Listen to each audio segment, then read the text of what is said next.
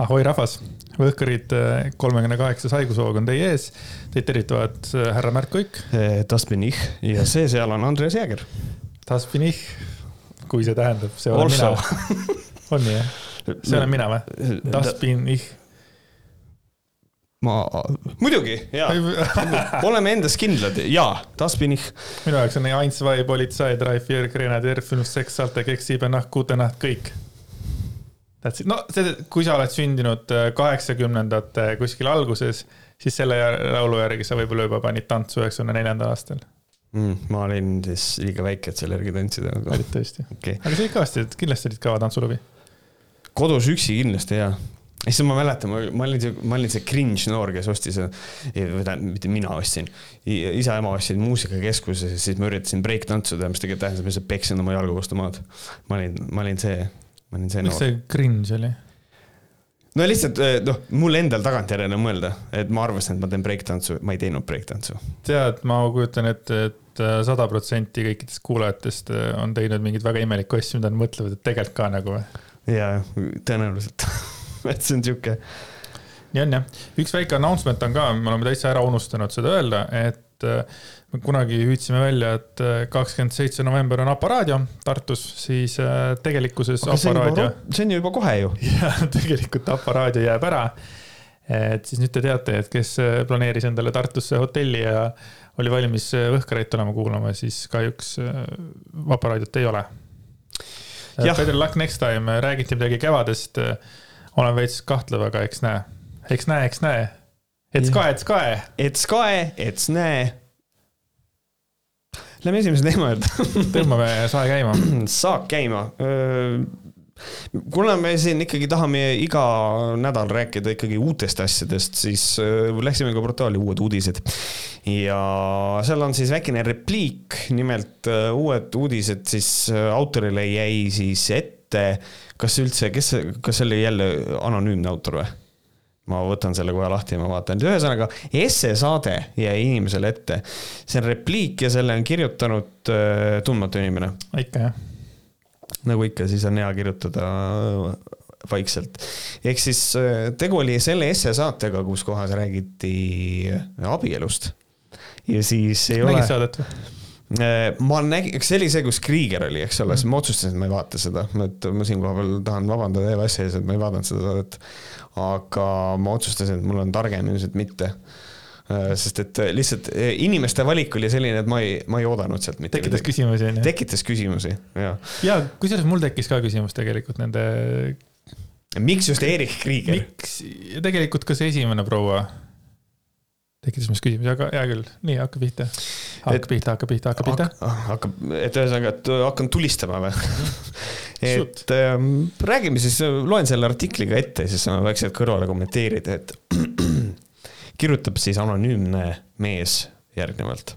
mõtlesin, ma olen täiesti kindel, et see on mees.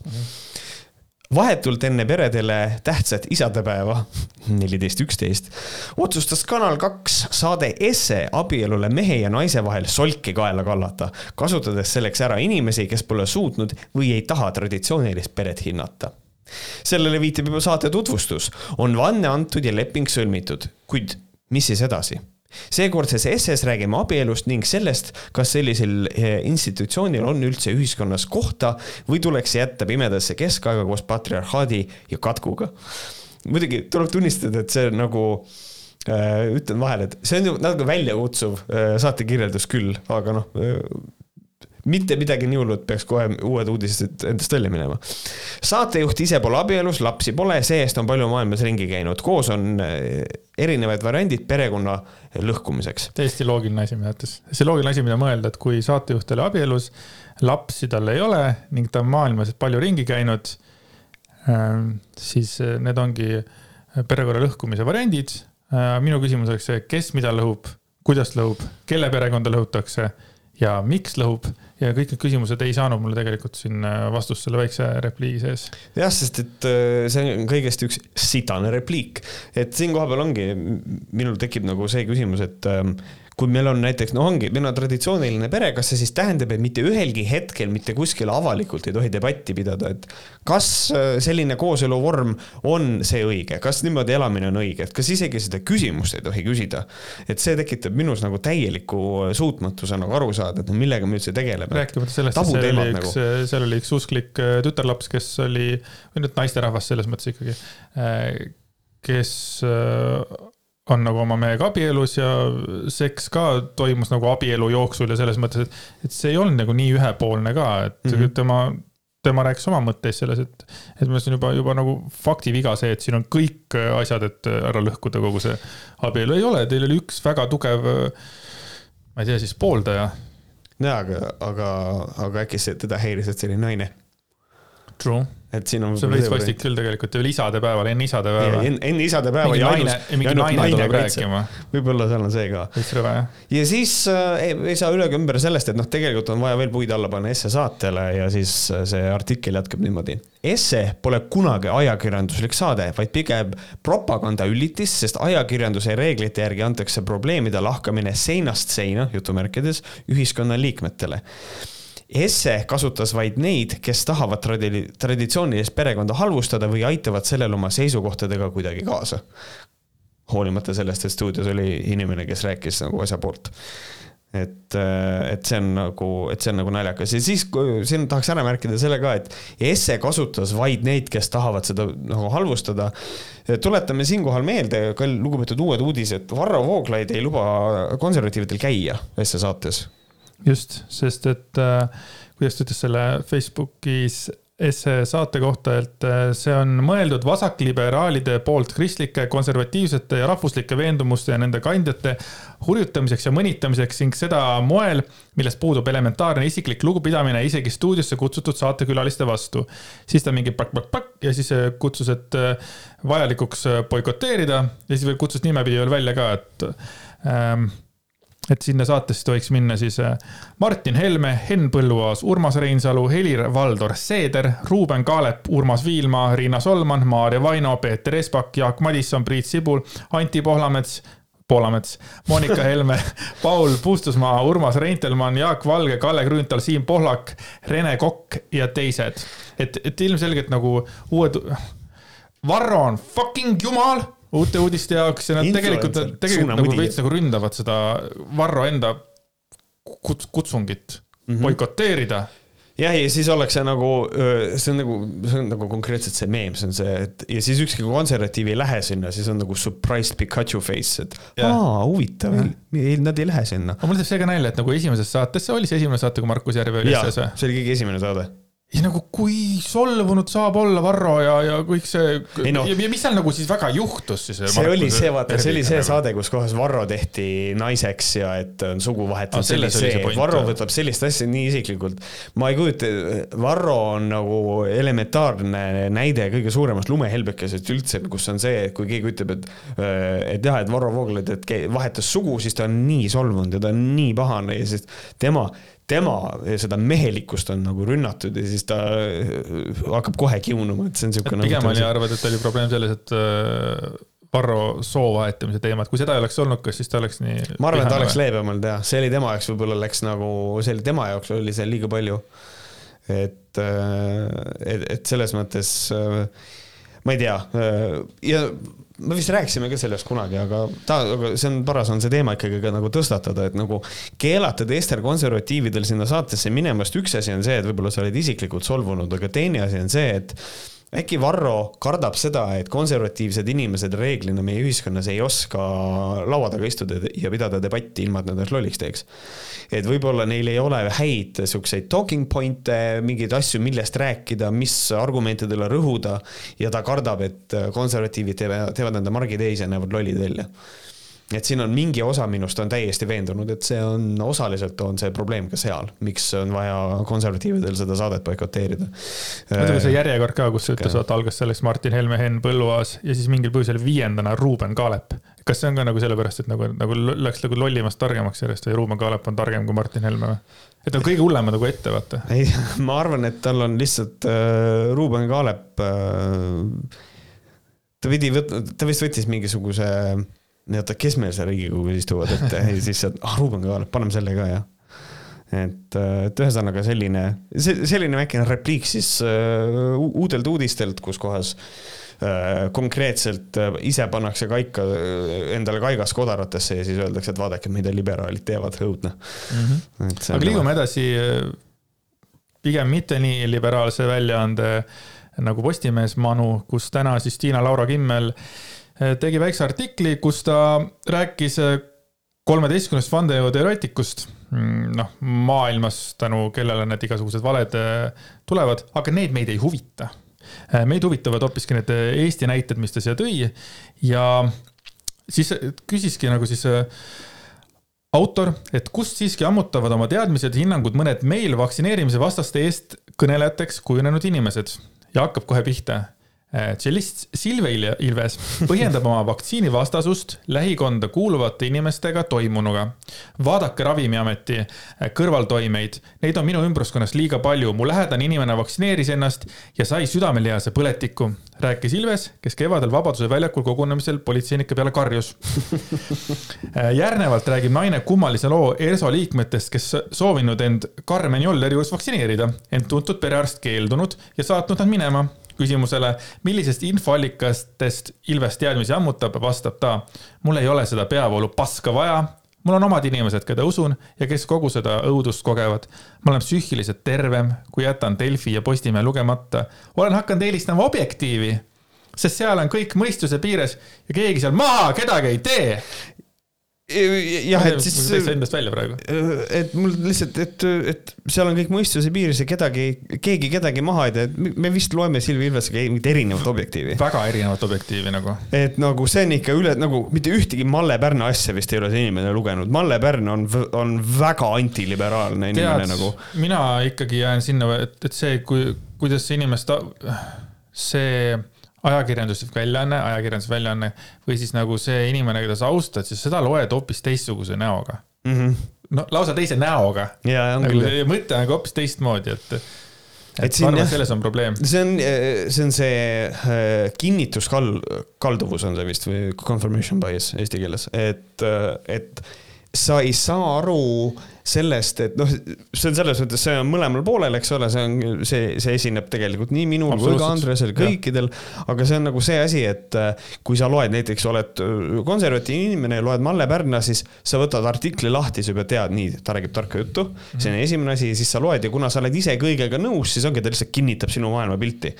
et äh, ja, ja sa ei saa aru, et Malle Pärn, kui ta võtab ette ja kritiseerib eh, liberaale mingites asjades, siis need on üks-ühele needsamad asjad, millega võib liberaalne inimene kritiseerida konservatiivseid inimesi. me oleme seda nalja siin teinud ka, kus kohas uh, mhm. -huh. et Malle Pärn on Objektiivi vastu hakanud ja kirjutab väga antikonservatiivset juttu, aga siis sa saad aru, et ei ta, tegelikult ta räägib liberaalidest, mis on hästi naljakas ja veider uh. Mhm. -huh. aga kui see artikkel ära tuli, siis eh, ei läinud aega palju mööda, tunnika paar kui Silve Ilves oli juba Facebookis ja südantlõhestava postituse tegi selle artikli kohta siis. ja ma siis äh, loen selle artikli ka ette, mida artikli, selle Facebooki postituse. By Silvia Ilves mismoodi tänasel päeval Postimehes ajakirjanikud tegutsevad. elukaaslane jagas üht taaskordset sundvaksi vastast test negatiivse maitsega kokku keedetud artiklisuppi, kus kasutati ka puu paar justkui minu poolt öeldud lauset pooletunnisest kõnest ajakirjanikuga esimesel novembril. mäletan hästi, kuidas ajakirjanik kiunus, Jaanus, mind ikka rohkem rääkima, mis mul nüüd ikka nii kangesti vaktsiini vastu on, hoolimata sellest, et korduvalt palusin viisakalt kõne lõpetada, sest olin tegelikult loengust välja hiilinud võõrast numbrit näes, arvates, et äkki laps oma sõbra numbrit helistab ja muret kurdab. tean, et sageli poisid mul telefoni koju unustavad ning vahel mure korral kõnesid mõne sõbra numbrilt teevad. ja ma täielikult kahtlen selles, et ajakirjanik helistas äh, Silvia Ilvesele ja kiunus ja ulus. kuidas. ole hea, ütle veel midagi kuidas see kiunumine nagu on siis nagu? niimoodi. niimoodi, niimoodi helistas Postimehe ajakirjanik. Fucking ma ei usu seda elu sees. et siin on tegelikult ma teen täiesti suure avaliku üleskutse ka, et Tiina-Laura Kimmel, kes selle asja kirjutas, kas sa saad palun saata mulle Facebooki oma häälenäidis, et kas on kiunuv. kas on või ei ole mm. -hmm. edasi läheb niimoodi. enne artikli avaldumist meilile ühtegi kirja ajakirjaniku poolt ei tulnud, mida palusin teha, saades kirjalikus vestluses nõusoleku. Äh, ja muide, see ongi, kuna ta jagas seda kuvatõmmist, siis tegelikult see nõusolek oli tegelikult Tiina poolt olemas mm. -hmm. et äh, see oli, ajakirjanik oli vastu, vastanud isegi niimoodi, et tema nagu äh, ei tõlgenda kuidagi valesti seda, ütles, et teeme nii, mina kindlasti sõnu ei vääna võib-olla ei ole ka väänanud, aga jaa, tõesti mm. -hmm. täna helistasin sellele samale Postimehe Laurale, kes kogu artikli supi kokku keitis, eh, kes aga kõnes pühkis enda meelest käed puhtaks süüst, et tema kirjutas kõik sõna-sõnalt, mis meil vestluses oli. tal olevat kogu meie, meie salvestus alles. minu üha pahasema hääletooni peale pandi kõne ära. otsisin telefonist meie esimese novembri kirjavahetuse uuesti eh, üles sõnumite rubriigis, kus lisaks palvele saata meilile meie vestlused, seda järele kuulata ilmnes fakt, et lubatud kirja artikli ülevaatamiseks ei tulnud enne, kui artikkel avaldamiseks läks. olin selle selge, seda selgesõnaliselt palunud, uskumatu lause oli see praegu, vabandust. tegin uue kõne Postimehe Laurale, keda kiidan julguse eest kõne uuesti vastu võtta. Postimehe Laura Silvia, see ei tee kuidagi sinu seda asja nagu paremaks, on vaja hakata ironiseerima. Postimehe Laura, mingi vaktsiinivastane Silvia. nagu. Vaksi Silvia. kas sulle meeldivad, et davai, Vaksi Silvia siis nüüd. Vaksi Silvia. Vaksi Silvia. Vaksi Silvia. Fuck noh. Fuck äh, siis äh, see, see meie armastatud äh, Postimehe Laura ütles nii, mina ütlesin sõna-sõnalt kõik jutt algas enesekaitseks kohe uuesti ning isegi mu rahuliku tooni peale nõudis ajakirjanik mitte karjuda. mul tundub, et neil on mingisugune kompleks või hirm pahandada saada tehtud käkkide eest. küsisin, miks avaldas ta artikli ilma ülevaatamise võimalust andmata. huvitav, kas ta ütleb, et tal on endal rahulik toon, et siin kohapeal ta ei tohi ära unustada seda, et see sal-, kõnesalvestis on alles ehk siis, kui nüüd keegi saadab näiteks mulle äh, Messengeri Silvia Ilvese hääle neidise ja, ja see seal on ma siis... täiega nagu äh, usun, et, et see ei ole, ei olnud rahulik toon sest kui ajakirjanik palus mitte karjuda, ma ei usu, et Silvia ütles tere, Postimehe Laura. et mulle tundub, et siin, palun ärge karjuge, see mhm. tundub mm -hmm. väga reaalne. nii, nüüd on veider nüüd asi. Äh, Postimehe Laura siis ütles, et, et teate, mul ei olnud teie emaili aadressi. see on veider. mis on väga veider, tõesti, miks ta nii ütles yeah Silvia ütles, oot-oot, pidage kinni. Mm, ja siis äh, äh, Laura ütleb, et no mul ei olnud aega, et seda saata, aga ma ütlen, ma kirjutasin kõik sõna-sõnalt.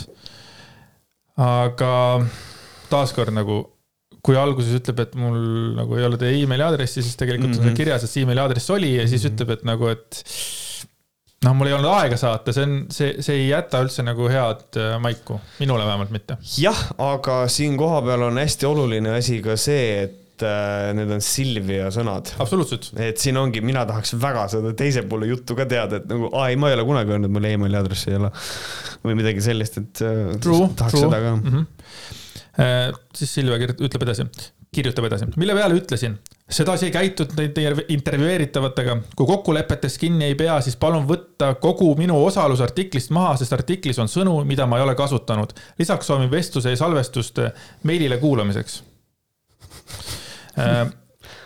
siis Postimehe Laura, mul pole enam neid vestlusi alles ning teate, mul pole aega enam teiega vaielda, palun võtke ühendust juhatajaga Erkki Kortiga. tänan teid meeldiva vestluse eest ja ilusat päeva. nõnda. Kirjutasin ka teile meilile palvega ajakirjaniku soperdus maha võtta, lugupeetud Erkki Koort, vaadake postkasti. natuke häbi võiks olla küll teil selliseid petturitest ajakirjanikke ülal pidada. Postimehest tulnud kõned tuleb mul edaspidi lihtsalt ebaviisakalt ära visata. ei ühtegi intervjuud anna, kiunugu, anugu, põlvitagu mujal. Äh, kiunugu, anugu, põlvitagu mujal, kusjuures tema, kusjuures Silvia oli selles mõttes äh, väheseid konservatiive, kes käis tegelikult ennast Esse saates lolliks tegemas aa, ta käis ju ka tema seal. käis, tema selles mõttes oli nagu tubli, aga nüüd on tema Postimehe peale pahane. kanal kaks on ka Postimees. no kõik on Postimees. kõik on Postimees, teeme näe, et äh, ei, väga vahva aga ma tahaks näha seda põlvitamist ja kiunumust, anumise nagu see, see, see, ilmselgelt on näha, et nagu äh, proua on nagu hullult närvis nagu ja siis nagu veits lahmib jälle. jah, ja minu, mis mind ennast nagu kogu selle asja juures tegelikult ärritab, on natukene see, et aga kõik need vale, kõik need vale asjad, mis on mingid valed tsitaadid ja mm -hmm. sinu sõnu on valesti tõlgendatud ja, ja kõik see. miks ümber ei lükka mitte ühtegi asja, mis sa tegelikult öelda tahtsid? Sellest ei ole siin nagu ei kippu ega kõppu.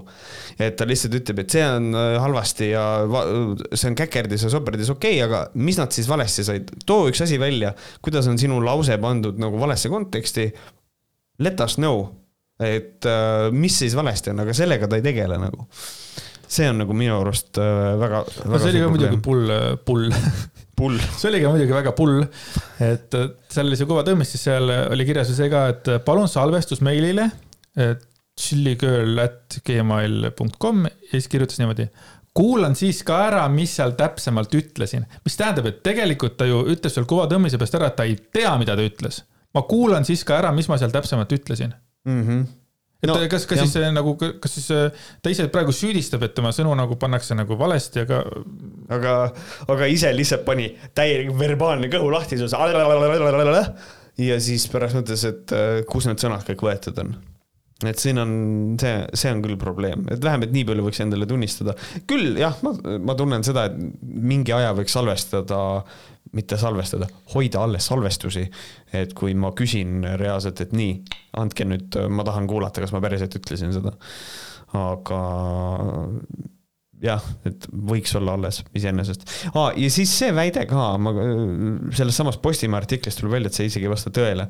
et Silvi Ilves olevat öelnud, et ERSO liikmed on käinud Karmen Jolleri juures vaktsineerimas, aga perearst on keeldunud ja nad minema saatnud ja Joller on ise öelnud, et mitu ERSO muusikat on nimistus ja kõik, kes on vastuvõtul käinud, on saanud süsti kätte. et äh, see tundub ka mingisugune fantaasia jällegi. kumma poolt? ajakirjaniku või Silvia poolt. kas ta on Preili või proua, ei ta on ikkagi Preili, jah. et ei, see tundub mulle ma ei tea, ma, ma, ma julgen kahelda, et nagu ajakirjanik on siin fantaseerinud, et ikkagi Silvia Ilves on võib-olla ka midagi öelnud. aga see võib-olla on vana hea, et Silvia Ilves võib-olla kuulis, et, et a la ma toon näite, no ma läksin Jolleri juurde vaktsineerima, aga ma unustasin maski kaasa võtta ja noh, siis ma ei saanud minna ja siis ma läksin koju. ja selleks hetkeks, kui Silvia Ilves ise koju jõudis, oli see muutunud selleks, et mitu ERSO muusikut on käinud Jolleri juures ja nad on sealt koju saadetud. et see on, see on ka ju variant, et noh, et selles mõttes meie ei tea, kuidas seal tšellisti aju töötab True, siis on äh, järgmine vaktsiinivastane on siis äh, Objektiivi endine peatoimetaja Veiko Vihuri, kes on üks väga vihane, jumalasulane. Äh, tema on täiesti ära varrastunud nagu full blown tõmbab samamoodi oma Facebooki. lehel inimesi niimoodi, mis mitte, mitte verbaalselt oksa, vaid kuidagi seda ka jah. no igatahes ta nagu häbistab ja. inimesi, kes tegelikult ei ole seda väärt.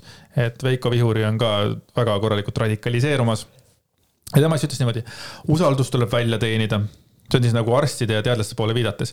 Äh, kui teadlased ja arstid muutuvad propagandistideks, näiteks mõni teadusnõukogu koja liige või staarperearst, siis ma ei imesta, et osa inimesi neid pimesi ei usalda.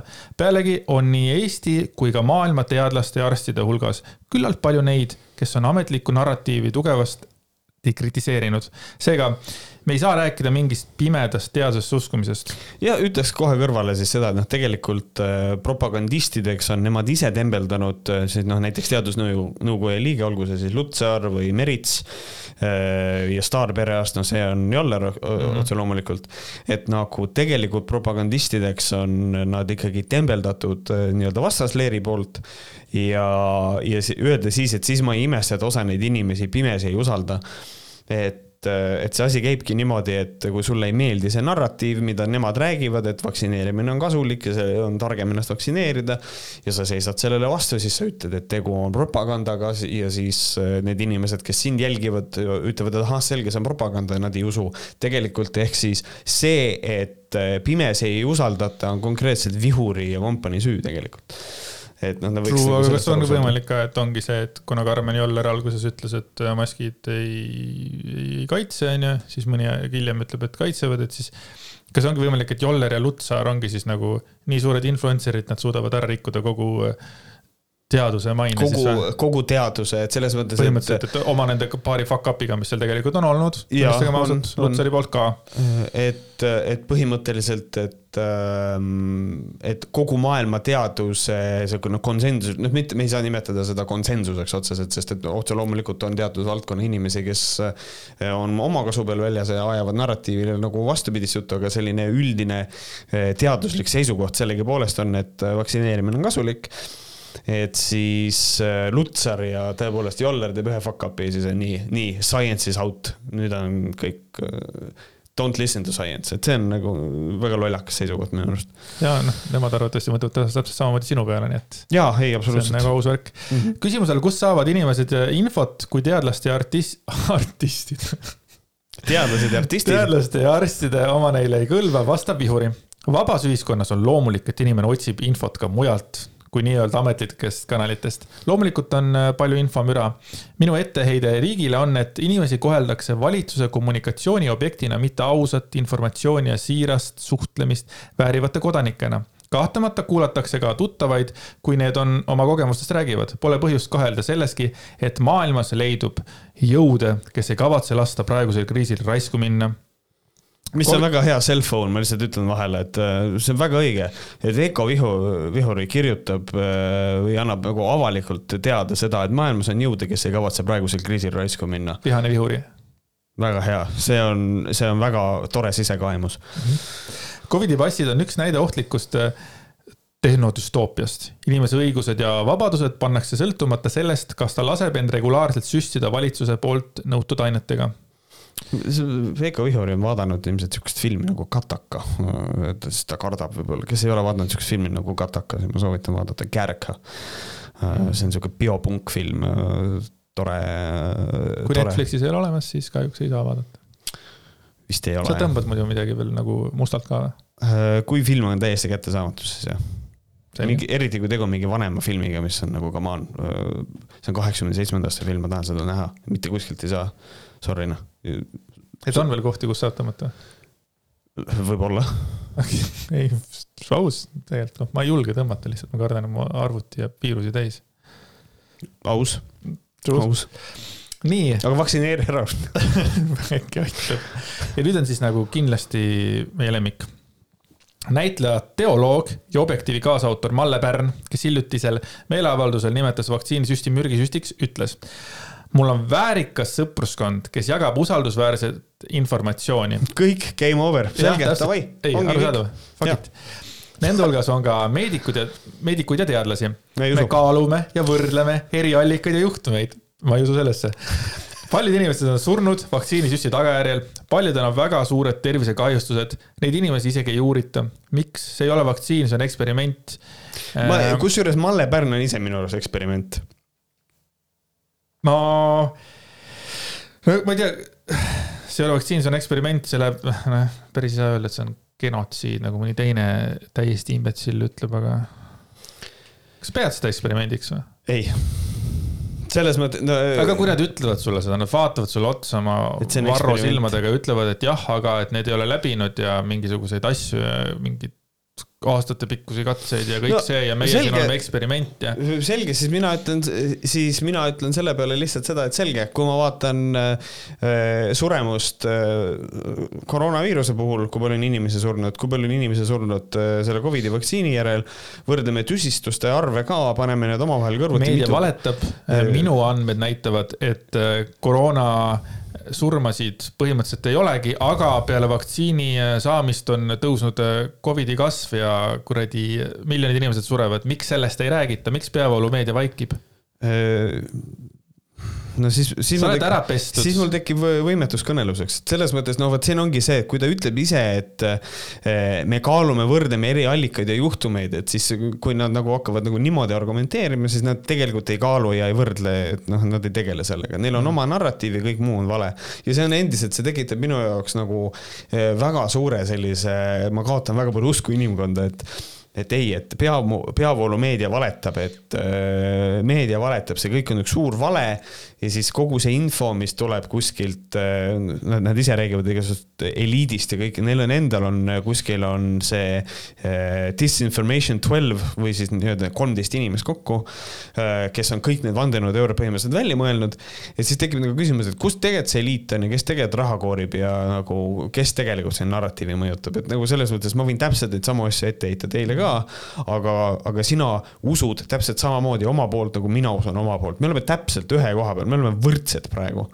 ja, ja mõlemad arvavad, et neil on õigus ka veel tegelikult. ja, ja, ja selles mõttes, et ja me ei tule ju keskpõrandale kokku, me ei, me ei tule, sellepärast et mitte keegi ei taha ju, noh, ja siis ongi, ma ei tea, YOLO, noh. ma ei tea, ja, ja isegi kui see on eksperiment ja mina usun oma numbrid, worth it ma osalen selles eksperimendis, olen juba osalenud kahe süstiga. I had, I had fun, ootan kolmandat, teen uuesti.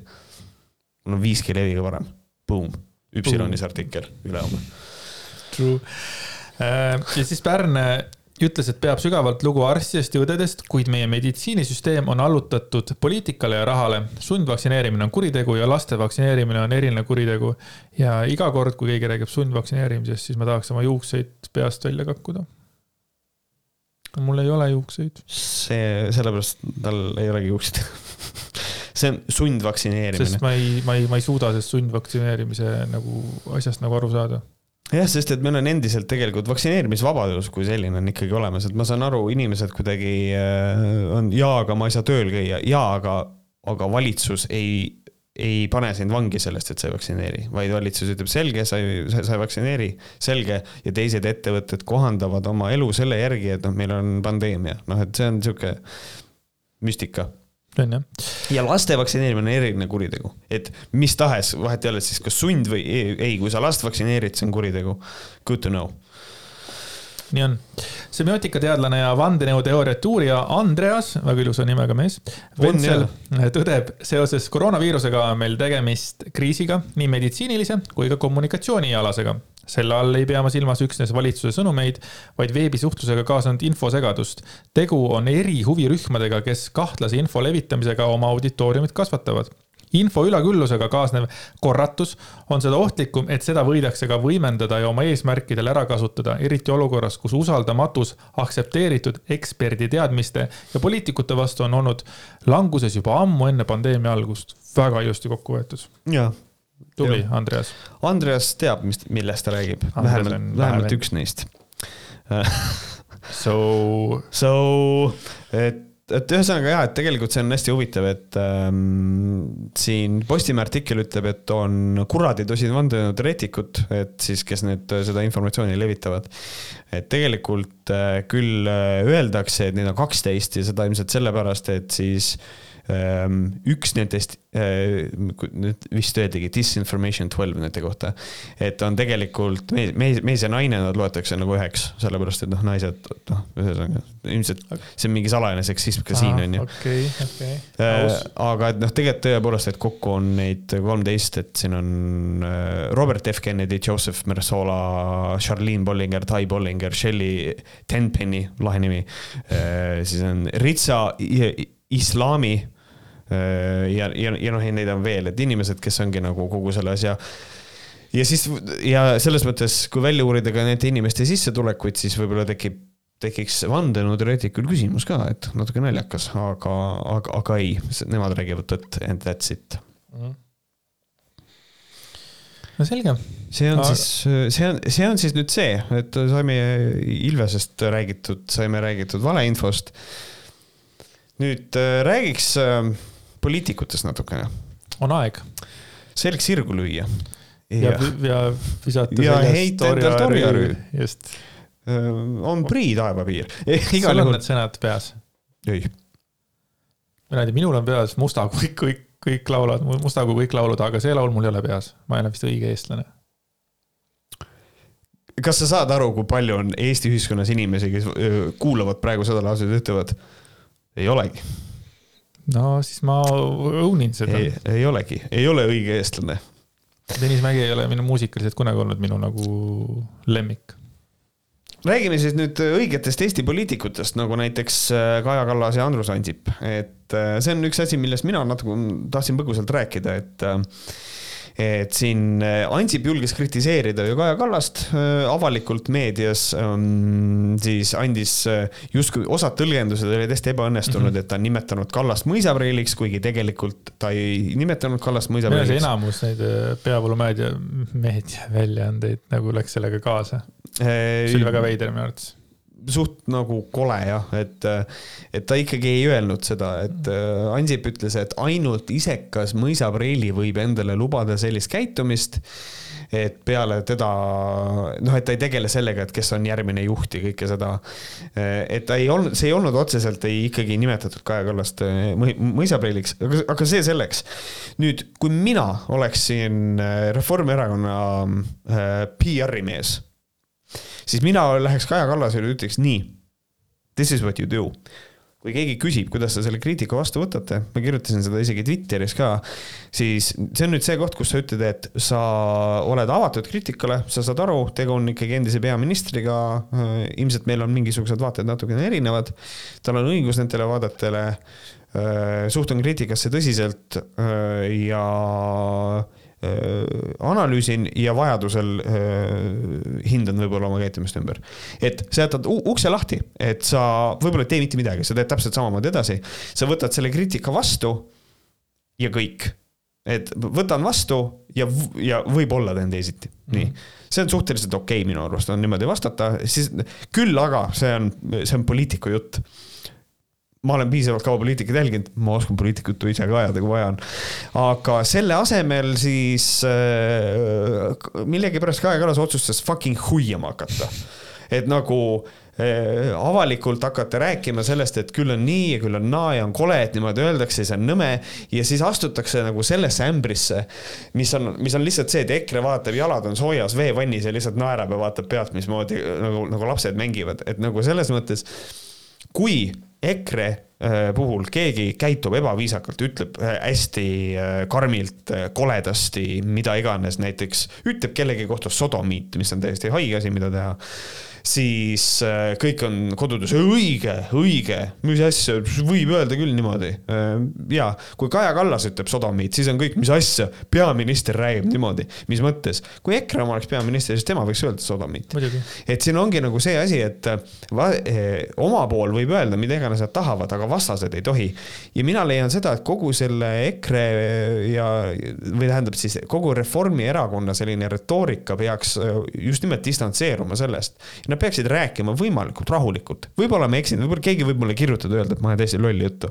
ma toon veel kõrvale selle näite, kui kui Kalle Grünthal andis äh, protesti sisse, kui olid presidendivalimised, siis äh, küsiti Kaja Kallase käest, et noh, mis, mis te sellest arvate. nüüd, kui mina oleksin Reformierakonna PR, siis mina oleks öelnud Kaja Kallasele, this is what you do. sa ütled niimoodi jah, äh, tõepoolest protest anti sisse, Riigikogu liikmetel on õigus protesti sisse anda, vahet ei ole, kes protesti sisse annab, sellesse on vaja suhtuda tõsiselt. et äh, piisab ühest silmapaarist, et näha, et äh, valimised võivad olla õigustühised, et äh, see on, et see on väga õige, me suhtume sellesse tõsiselt.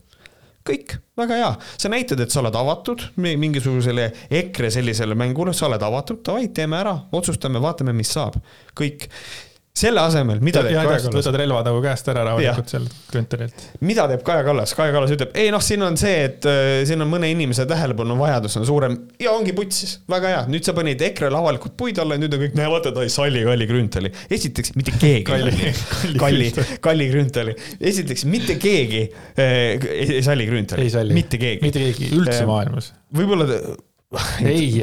jah, ühesõnaga las jääb ja, ja aga, aga sellegipoolest eh, peaks nagu hoiduma sellest, et, et siukseid asju avalikult öelda, Reformierakonna. jaa, muidugi, Kalliga ei ole mõtet nebida. ja nüüd me jõuame siis alles selle artiklini, millest ma tahan rääkida. ma tahan eh, korra sind nagu kiita, see ja. oli, see oli, see oli väga hea, mis sa tegid praegu, ma vaatasin sind ja tahaks öelda, et tegid jalapanna niimoodi, nagu Jan Uuspõld, et tead, Märt Koik on väga andekas. aa ei, ma mõtlesin, sa tahad öelda nagu noored konservatiivid Varro Vooglaiu kohta, et ei, seal oli see hiilgus ja, ja autoriteet. ei, see oli väga, mulle meeldis praegu see, mulle väga meeldis see. Aitäh sulle. Äh, see podcast on lihtsalt üks suur circle jerk Anyway Ähm, siis toimus, ähm, toimus siis intervjuu, äh, kus kohas ähm, see oli siis äh, kuusteist november, see oli Riigikaitse Nõukogu pressikonverents. ja siis küsiti Kaja Kallase käest, et noh, mis sellest äh, Andrus Ansipi selle kriitikast, mis te sellest arvate? ja siis täpselt samamoodi ma juba enne ütlesin, et mida võiks Kaja Kallas öelda, Kaja Kallas ütles midagi sellist ma eelmisel nädalal lugesin Eesti Päevalehes avaldatud intervjuud helilooja Sven Grünbergiga, kus ta rääkis, et inimeste tigedus ja kurjus tuleb sellest, et neil on halb olla. helistasin ka Andrus Ansipile ja küsisin, miks tal on halb olla. okei okay..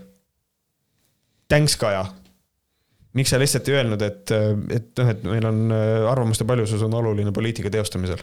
näiteks midagi sellist kuradi, mitte hakata mingit Sven Grünbergi, kõigepealt oli vaja nagu äh, näidata, et ei, ma loen ajalehti ka muidu.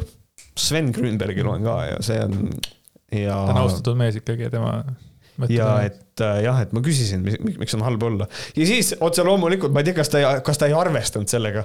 kohe tõmmati Ansipile kõne peale. ja siis oli nagu Andrus, kas nagu päriselt niisugune asi leidis aset ja siis Andrus Ansip toob nagu jumala selgelt välja, et, et, et tegelikult no tõele vastab see, et Kaja Kallas helistas mulle, aga see küsimus, mida ta väidab, et ta minu käest küsis, ei olnud see. küsimus oli, mis sul mureks on.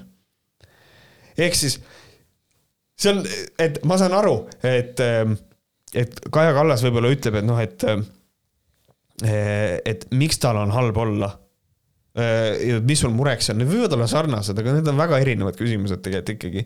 et, äh, et, et, et see ei ole nagu õige, et ma ei, miks on vaja niimoodi, miks on vaja niimoodi, äh, niimoodi väänata ja see läheb siit edasi ka, et. et Ansip olevat siis öelnud nagu vastanud talle, et noh, et tal on sama mure, mis Eesti rahval, et kaks korda oleme nakatumises ja nakatumises maailmas esikohal. vaktsineerimine ei ole edenenud ja siis väidetavalt Kaja Kallas oli küsinud, et mis su plaan on, kas sa tahad üldkogu kokku kutsuda ja uut juhti valida? See on nagu väga ebaõnnestunud, juba alguses see, et mis sul mureks on? Mis su plaan on, ta üldse ülg-, nagu see ei kõla nagu selline suur ja tugev, tugev juht, see kõlab nagu mingisugune kusjuures ma vaidleks vastu. Või äkki, aga äkki ongi suur juht, vaata Ansip helistab, Andrus Ansip, eks ole, endine Eesti peaminister, siis Kaja Kallas helistab, küsib, mis higi on raisk? et nagu vaata, see on, et võib-olla on just suur juht kohe nagu kõne peale nagu Lukašenka, türa aga, Kaja Kallas ei näe, näeja ei ole mulle kunagi tundunud sellisena, nagu ta oleks filmi, filmis Tulnukas. ma mõtlen Eesti filmi Tulnukas, kus ta helistab, et noh, putsi küll, kurat, no mis sul on?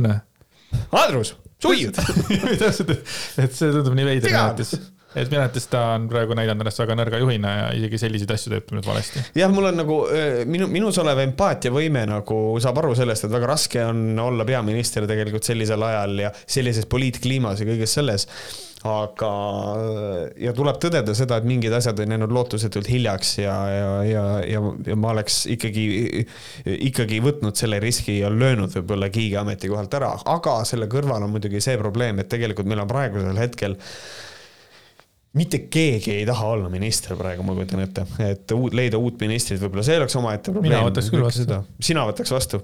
sotsiaalminister Andres Jääger. täiesti ei ole meil mingit probleemi. Davai.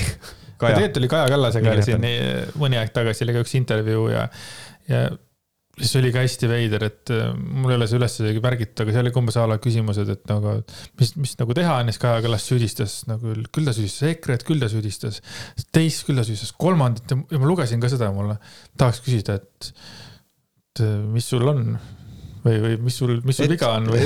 et, et, et, et miks sul halb olla on? jah, miks sul halb olla on, Kaja, et see, see ei, see ei näe hea välja, mis sa praegu nagu teed ja ma olen nagu tegelikult, ma olen nagu väga mm. suur Kaja Kallase nagu austaja olnud. vot siin ongi. ja ma olen, ma ikkagi, ei ma toetan teda siiamaani, aga lihtsalt ma nagu näen nagu selles mm -hmm. hetkes nagu väga-väga-väga-väga õrn. vot siin ongi see, et kui sul on ikkagi nagu riigis on konstantselt perses, siis ei tohiks nagu süüdistada mingisuguseid EKRE-d ja asju, vaid on vaata nagu süüdista enda omasid. ja, ja inimesed, kes töötavad valitsused, peaksid aru saama, et süüdistused tulevad ka meie suunas. et see on nagu see, et tuleb enesekriitiliselt tööd teha mm. -hmm et, ähm, et nagu, et ühel päeval lihtsalt läheb Tanel ukse taha. Tanel, kuule, viitsid? Tee tööd tõmba nihhi. või nagu alustuseks tee tööd. ma ei- muidugi see on minu arust väga kole, et selles mõttes, et Tanel Kiik teeb oma tööd ka, eks ole, aga, aga, aga lihtsalt seal on mingi teatud probleemid, mis ikkagi esile tulevad. et aga, aga et jah, et võib-olla selline rohkem enesekriitilisust kui ja see on ka siis annab edasi seda, et me üldse ei räägi sellest, me üldse ei räägi, et oh, EKRE on selles süüdi, ei, ei, ei. me, me oleme teinud neid vigu, aga me, me üritame parandada, siin on tehtud see viga ja siis, aga meil on plaanis vot selline asi ja siis lähme siit edasi. aga. sa ütled enesekriitikat, aga mina nagu tahaks ka enesekindlust rohkem näha. jah, võib-olla küll. see on veel rohkem nagu puudu, mul tunne see. ja siis ähm,. Aa jah, et äh, Ansip ütleb, täna väitis Kaja Kallas, et küsis, miks mul on halb olla. vot seda küsimust ta ei küsinud, aga ju ta leidis kuskilt Sven Grünbergi mõttekäigu ja vastavalt sellele muutis oma küsimust. ehk lihtlabaselt öeldes, ta lihtsalt valetas. see on lihtsalt, nagu, lihtsalt. Headshot. öeldakse, öeldakse shots fired, aga see ei ole shots fired, see on shot fired mm, -hmm. see on lihtsalt, see on lihtsalt kill shot, see on lihtsalt kõmm, sest et see on väga aus, et noh, et oo, et oh ma, loed artikli ära Sven Grünbergi ja siis, ah ma tean, kui ajakirjanik küsib ehm, see Ansipi asjaga, siis ma ütlen seda nagu. nagu lõ- lõpetada. Gustavast äkki sa olid Don Corleone? I m gonna make an offer you can't refuse. mingisugune kuradi, et see on ikka nagu, see on nii inetu on, on. et, et noh, et Kallase sõnul ei saa ta Ansipit selles küsimuses aidata, sest praeguses kriisiolukorras on olulisemaid teemasid, millega tegeleda. jah, aga enne kõike seda on vaja rääkida Sven Grünbergist ja kõigest sellest, selle jaoks on aega. Sure, davai, saame aru ohohoo, no ei jõua raisk. ja siis äh, tulid nagu välja siin Va- Valdo Randpere ja siis tegelikult ka siis äh, mis iganes selle äh, kõige kuradi blondima poliitiku nimi on see Kristiina Ojuland. ei Võrklaev või? On ta nimi, see fraktsiooni juht Reformierakonnal, et nemad ka kõik väga kritiseerisid kohe Ansipit, eks ole, aga Ansip on nagu sellel järgmisel tasemel, tal on nagu see pagun, et I don't really care. et äh, ja siis äh, taheti, et äh, avaldame koos fraktsioonina toetust Kaja Kallasele. et Reformierakonna fraktsioon avaldab toetust Reformierakonna äh, juhile Kaja Kallasele. see, see tundub nagu masturbatsioon, sorry, nagu see täiesti ebavajalik tegevus. et sihuke, jällegi, kui te ei ole minuga nõus, kirjutage mulle, öelge, Märt, sa aimid sitta suust välja. et see on väga okei okay.. ja siis äh, Ansip ütles ka seda, et kogu minu intervjuus olevasse kriitikasse suhtumine on välja toonud sügava probleemi erakonnas. enesekriitika ja analüüsivõime on täielikult minetatud, see on suur probleem ning selle eitamine ei muuda probleemi olematuks, nagu ei muuda probleemi olematuks ka sõnumi to- tooja äh, ründamine. täiesti õige sihukene tunne nagu räägiks endine peaminister. mm. -hmm. täiesti noh, et noh, et sihukene korralik analüüs ikkagi, et noh, et tegelikult nagu sa võid mu kallal klähvida, aga sul on endiselt probleem, et see on nagu see, et et meil on veits nagu see olukord, et meil maja põleb, on ju, lahtise leegiga, leek on äh, aknast väljas ja siis inimene seisab nagu õue peal, lihtsalt seisab ja vaatab, kuidas maja põleb ja siis tuleb Andrus ja ütleb, kuule, sul maja põleb, võta see veeämber ja siis ta selle asemel, võtta veeämber, minna kustutama, siis ta ta vaatab veeämbri, ütleb, mis sa kalandad kogu aeg. veits nagu sihuke vibe on nagu. on küll. ja see ka veel, et katset sõnumitooja kollektiivselt hukka mõista pole kohane erakonnale, mis, mis peaks olema liberaalsete väärtuste eestkõneleja. ega probleeme erakonnas saa enam varjata, erakonna toetus kukub kivina kolmekümne viielt prosalt kahekümne kahe prosani ning see trend on jätkuv. ükskord tuleb ikka vastata, kuidas see meie erakonnaga juhtus super, no see on väga hea point, et nagu eh, sõnumitooja kollektiivselt hukka ja samal ajal Reformierakond on ikkagi liberaalne erakond. et eh, see on natukene naljakas. üks asi oli veel, et, et nagu Andrus Ansip siis kirjutas Kaja Kallasele ja siis kirjutas ka fraktsiooni listi ja juba alguses ütles Kaja Kallas, et mul on valed andmed ja võtan oma andmed ajakirjandusest. mina ütlesin ei, Kaja, ma võtan oma andmed Our Word in Datast ja E ECDD-st, ECDC-st äh,. aga ma korra ütlen ka, et, et see on siis nagu statistika nagu. see on siis nagu statistilist materjali koos oma kommentaaridega. see on siis selle kohta ja äh, siis äh, nemad võtavad oma andmed Eestist ja kui sa tahad nende andmeid muuta, siis sa pead olukorda Eestis muutma. pärast seda Kaja ütles, ah, vahed on väikesed, me teeme tasa. Nagu see on ka täiesti putsis asi. no jaa, aga see, aga see ongi jaa, aga see ei ole lihtsalt, see ei ole suhtumise küsimus, see on tegude küsimus, et noh, see on, me, me teeme need tasa, no lihtsalt konkreetselt davai, show me mm, -hmm. tee, tee. aga mulle tundub see kuidagi nii veider, et nagu, et ah, vahetame väikese, me teeme tasa need mm. -hmm. alguses olime kõvad, nüüd oleme, küll saame hakkama. no ei saa ju, jaa. kuidagi ei saa, siiamaani ei saa või, mis see protsent praegu on, viiskümmend seitse või? ma võin muidugi valetama, ma ei tea peast, ma ei, ma ei julge pakkuda seda. Aga see ei ole ikka veel isegi seitsekümne juures ju veel. minu mis teada ei ole siin mingi kuu-kaks tagasi, kolm. vaktsineerituse taset, ma ei oska öelda jah, peast. vot, aga ma ei tea. tõmbame üldse selle Ansipi teema praegu äkki kinni ära. tõmbame selle Ansipi ja Kallase, kui, kuidas A- Ansip äh, tahtsin kalambuuri teha, ei tule, pohhui. Lähme järgmise teema juurde. ja me ei ole üldse kaugel Ansipist ega Kallasest. jah, me oleme üsna lähedal, oleme Taavi Rõiva juures. just, räägime Reformierakonna, rääkides peaministritest. hea. Taavi Rõivasel on jälle, kuidas öelda. Kellad. vesi rõivaste vahel. Ei! et eh, nimelt siis üks noor naine teavitas tööandjat, et Taavi Rõivas olevat teda välisreisil ahistanud. see siis oli pommuudis, kui ma ei eksi, vist eelmine kolmapäev. see oli niimoodi, et ma tegin striimi ja siis striimi ajal tuli see uudis välja. et ähm, ja siis oli siis tekkis vähemalt minu striimi chatis oli mingisugune küsimus tekkis, oota, see on see vana asi või siis ei, see on uus, et kes, kes mäletab, siis Taavi Rõivasel on olnud üks ahistamissüüdistus juba, mis äh, põhimõtteliselt vaibus ära, sellepärast et tegelikult oligi, et seal oli konkreetselt, ma sain aru, et kas lõpptulemus oli see, et seal oli suht üks sõna teise sõna vastu, tõestada ei saanud mitte midagi, siis asi nagu jäi ja nüüd on siis teine. ja ja põhimõtteliselt siis see naisterahvas ise räägib seda, et äh, Taavi Rõivase tähelepanu alla, et nad olid töösõidul, siis seal see Taavi Rõivas äh, nii-öelda seda naist nagu märkas. ja siis üks õhtusöök oli peale, mida siis äh, sai niisugune ebameeldivam asi nii-öelda alguse, et äh, restoranist mindi ööbimispaika, kus äh, siis istuti Taavi Rõivase numbritoas, kolmekesti istuti vooditel, mingi üks mees olevat istunud toolis ja siis öeldi seda, et Taavi Rõivas istus minu kõrvale, tegi mulle õhtu jooksul mitmeid füüsilisi lähenemiskatseid, tundsin ennast ebamugavalt ja tõrjusin need. ta proovis mind katsuda. ja ja siis veel edasi, et kui me hakkasime kolleegidega toast lahkuma, et magama minna, haaras Taavi Rõivas mu randmetes kõvasti kinni, ei lasknud mul ära minna ja ütles, et kuhugi sa ei lähe. ütlesin talle lase lahti, proovisin temast füüsiliselt eemalduda, kuid ta ei lasknud mind lahti. Õnneks olid mu kolleegid veel ukse peal ja üks neist ka sekkus, oma tubade poole liikudes äh, rääkisin ma aitajale, et olen juhtunust äh, väga kohkunud mm,. ja siis ta lisab, et noh, et ta tundis tema haardes olles hirmu oma turvalisuse pärast. Ja nüüd see kõik on, me, millest äh, on vaja aru saada, on, on nagu see, et me tegelikult mitte keegi ei tea, mis tegelikult juhtus et äh, otse loomulikult mina olen skeptiline, mitte sellepärast, et ma ei usu naisi, kes räägivad asjadest, aga aga siin on teatud eelhäälestuse võib võtta selle pealt, et Taavi Rõivasel on üks ahistamissüüdistus juba olnud.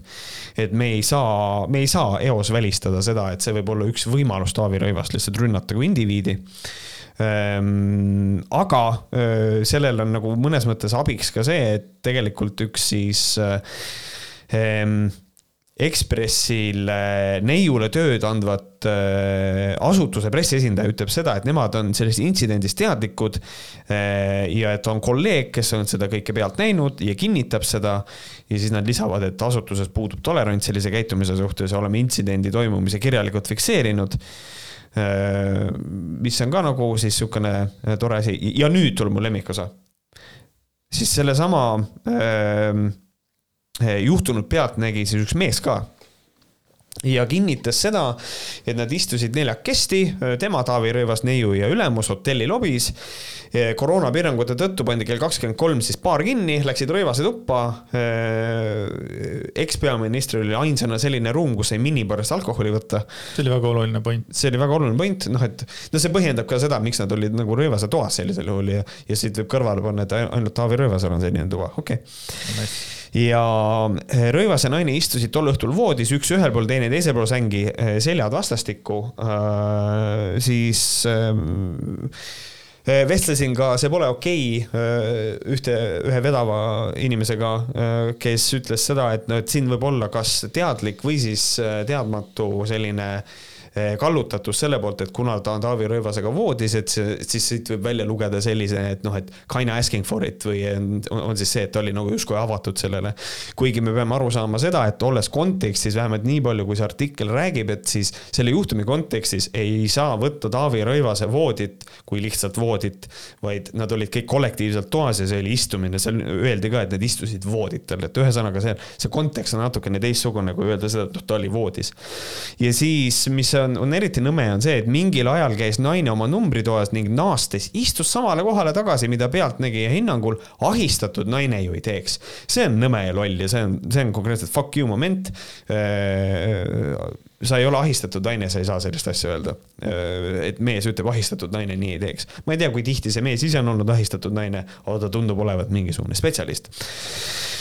äkki ta, vabandust, äkki ta on ahistaja ja ta teab, et ahistatud naine ei tule tagasi võib-olla tema ahistamine on nii rõvedalt vaata, et ükski naine ei tule kunagi tagasi. ma ei tea, see on, see on nii pöörane statement, mida öelda. ja, aga, aga samas see meesterahvas ütleb, et, äh, et midagi kohut-, kohatut ei, ei toimunud. ja ja põhimõtteliselt siis kogu selle asja nagu Taavi Rõivas ise seda otse loomulikult eitab, ütleb, et see, see ei vasta tõele, sihukest asja ei ole kunagi olnud, et, et siin ongi praegusel hetkel on selline eh, sõna sõna vastu, ma eelmise nädala kolmapäeval eh, võtsin selle teema kergelt nagu jälgimise alla eh, ja otseselt midagi uut nagu selgunud ei ole, et, et vaatab seda asja, et no ja siin oli veel see ka, et umbes kella ühe paiku läksid koosistujad oma tubadesse, lahkudes pöördus neiu ukse juures korraks tagasi, sest ta oli unustanud mingi eseme voodile.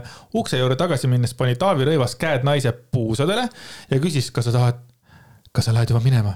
kui naine teatas, et jah, ta läheb ja palus end lahti lasta, siis Rõivas tegi seda. siin on juba kaks intsidenti, esimene oli see, kus ta võttis, hoidis kätest kinni ja ei lasknud naist minema, onju. Hmm. järgmine hetk ta juba tegelikult läheb juba puusade kallale ja küsib, et kas sa lähed juba minema yeah.. vittu no ma ei tea, see, see on ikka väga kusjuures. isegi ropendada, see on ikka, see ei ole okei okay tegelikult, et sa hakkad üldse näperdama kedagi. see on hästi kummaline asi, on see, et. kui ma vaataks sind praegu puusast, sa tunneks ülihalvasti ennast. muidugi, muidugi, et, et see on täpselt selline asi, mind, mind üllatas see, kui palju minu, minu, minu chat'is oli ka paar, paar meest, kes olid nagu väga, võtsid väga isiklikult seda, et, et naisi ei tohi puusas katsuda. Mis mõttes ei tohi? Ja siis ongi nagu see, et no see, no aga ei, ei tohi. Et selles mõttes, et äh, ja siis oligi, kui ma rääkisin, ähm, kui ma rääkisin siis Mariannega, äh, siis äh, mis nagu oligi see, et äh, meie oma vestluse käigus ma ütlesin, et noh, et puusad on selline koht, mida nagu äh, naljad sa teisele inimesele ei katsu. lihtsalt niisama, et sellel on alati mingisugune eesmärgistatus.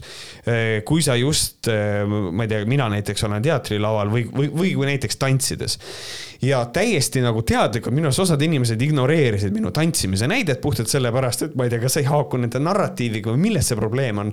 aga öeldi mulle seda, et no mis mõttes puusi ei tohi katsuda, et siis tantsida ka ei tohi või Motherfucker, ma enne ütlesin, et ei, tantsides on okei okay,, sellepärast et tantsides on, on tantsimise asendid ja siis sa nagu hoiad puusas kinni. aga see, et sa oled inimesega casual'i vestled ja siis katsuta puusa, see on nagu veits no, nagu. võimalus on ka see, et nagu, et oligi nagu... Taavi Rõivas oligi jumala vittu samadega ja ta oli täiesti täis ja ta luges signaale valesti, et ütleme, et see, et see naisterahvas oli temaga noh, sõbralik, ega selles mõttes, ega sõbralikkuse flirtimisel ei ole nagu võib-olla suurt vahet ja Taavi Rõivas mõista, võis mõista valesti, aga et kaks korda nüüd valesti mõista on veits nagu ja, nadi, et, et ma olen oma elus äh, noorena küllalt arvatavasti teinud samasuguseid äh, asju, tea, aru, aru saamata, noh, tagantjärgi ma saan aru, et see võis olla ebameeldiv inimesele, onju. Mhm. ma ei, ma ei ütle, et kordi on palju, aga kindlasti on olnud hetki, kus ma võib-olla olen puudutanud inimest niimoodi, kui ta ei soovi seda. ma olen signaali valesti lugenud. jah, ikka. et selles mõttes see, see variant on et noh, siin ongi, millest ongi vaja aru saada, on see, et meie kumbki Andresega ei räägi nagu seda, et, et ei tohi flirtida või midagi sellist, ei, absoluutselt, flirtimine on väga okei okay,, aga kui sa saad selge signaali, et palun ära tee. You stop flirting, nagu it's that simple. mina no. isegi läheks nii kaugele, on nagu see, et sul on, sul on kaks, eh, sul on salves alati kaks flirti. üks on see, mille pealt sa saad, eh, sa saad tagasilöögi. et okei okay,, see on nagu eh, flirt sa saad vasta, vasta näppe sealt, sul on üks flirt veel salves, aga see reegel on see, see flirt ei tohi eskaleeruda. see peab olema samal tasemel flirt. ehk siis, kui ma nagu väga selgelt annan sõnaliselt äh, naisterahvale, et noh, et ma olen teist huvitatud, eks ole. ja ta ütleb, et nagu äh, mina ei ole, et sorry, siis järgmine aste ei ole see, et ma lähen ta fucking puusi krabama, vaid on see, et ma endiselt nagu verbaalselt teen ühe, viskan ühe flirdi veel, kui see lükatakse tagasi, that's it, see nagu, this game is lost. Better, better luck with somebody else, väga lihtne. no ärme siiski unustame, unustagem ära, mina kui konservatiivse poole nagu äh, nagu siiski nagu Taavi Rõivas on ikkagi abielus, abielus mees, kes tegelikult võiks oma abikaasale truu olla, et võib-olla need flirdid tema puhul, ma ei tea, võib-olla ei ole nii lihtne, nii kuidagi, ma ei oska seda öelda, kui mingisugune vaba mees läheb ja tal on mingisugused flirdid mitu tükki siin nagu paunas on ju, siis tegelikult Taavi Rõivasel mingi nurga alt ei tohiks olla neid paunas niimoodi, et sa lähed mm. ja näperdad ja kallistad ja värki-särki. kuskil on mingid piirid äkki või? abielumehele või ei? või äkki neil on Luisaga avatud suhe? see on ka variant, vot, vot siin ongi see sellepärast asi, et... Luisa tegigi selle või? ma ei tea ma ei tea, see oli ka äh, veits otsitud, tundus mulle, aga, aga et ühesõnaga põhimõtteliselt mina ütlen alati selle peale seda, et noh, ise, ise, ise on abielumees, sa ei tea nende, kuidas nende suhe on üles ehitatud. mina kui konservatiivne nagu. no sa kui konservatiivne inimene. nagu. aga see on. traditsiooniline pere ja värki, vaata. mina liberastina ütlen seda, et me ei tea, kuidas nende suhe on üles ehitatud minul igatahes on nagu ma olen varemgi olnud, mina olen automaatselt, olen äh, na, naisterahva poolel, mina olen äh, tiim äh, ahistatu selles mõttes mm. -hmm. ja mina võtan küll nagu jälle selge selle, et mina usun, mina, mina ei usu elus mm, -hmm. et mhm. selline asi välja mõeldakse. mis see põhjus saab olla, Taavi Rõivas nagu, ta isegi ei ole nagu väga keegi, et mida temaga nagu teha tahetakse, mis siis nii hirmsat on teinud. ma nagu ei suuda Jah, seda. nagu ei ole sellises positsioonis. rääkimata ja. seda, et see ei ole nüüd mingisugune inimene, kes tahab mingisugust kuulsust saada, vaid või see oli nagu vaik-, noh, see, vot see situatsioon toimus ära, sellest anti teada, aga seda ei lekitatud, vaid see lekitati. see on väga suur asi tegelikult, mida võiks nagu meeles pidada, et see ohver ei läinud seda ise nagu äh, teadlikult kella külge panema, vaata, ta proovis nagu madalat profiili hoida, aga no Eesti Ekspress on, äh, teeb oma tööd väga hästi ja mul on väga hea jälle, et see asi on nagu päevavalgele toodud äh, no ma ei tea, kui palju saab see nagu Rõivasele kuidagi mõjuda nagu kehvasti ka, sest eelmisest sellest tuli ta nagu üsnagi lõdvalt välja, mulle tundub, võib-olla mitte hingehaavadega mm. -hmm. hingehaavad on kindlasti alles, on ju, sest et ega selline peks ikkagi nagu toimub äh, meedias igal pool. What the fuck, mis tunne on hommikul üles ärgata? no näiteks, kui asi toimub öösel, aga ütleme, kui päeval tuleb mingisugune full artikkel ja järjest kõik tuleb ja sellest ainult räägitakse nagu mm. -hmm. see võib päris hull olla. nagu yeah. noh see, see on päris hull.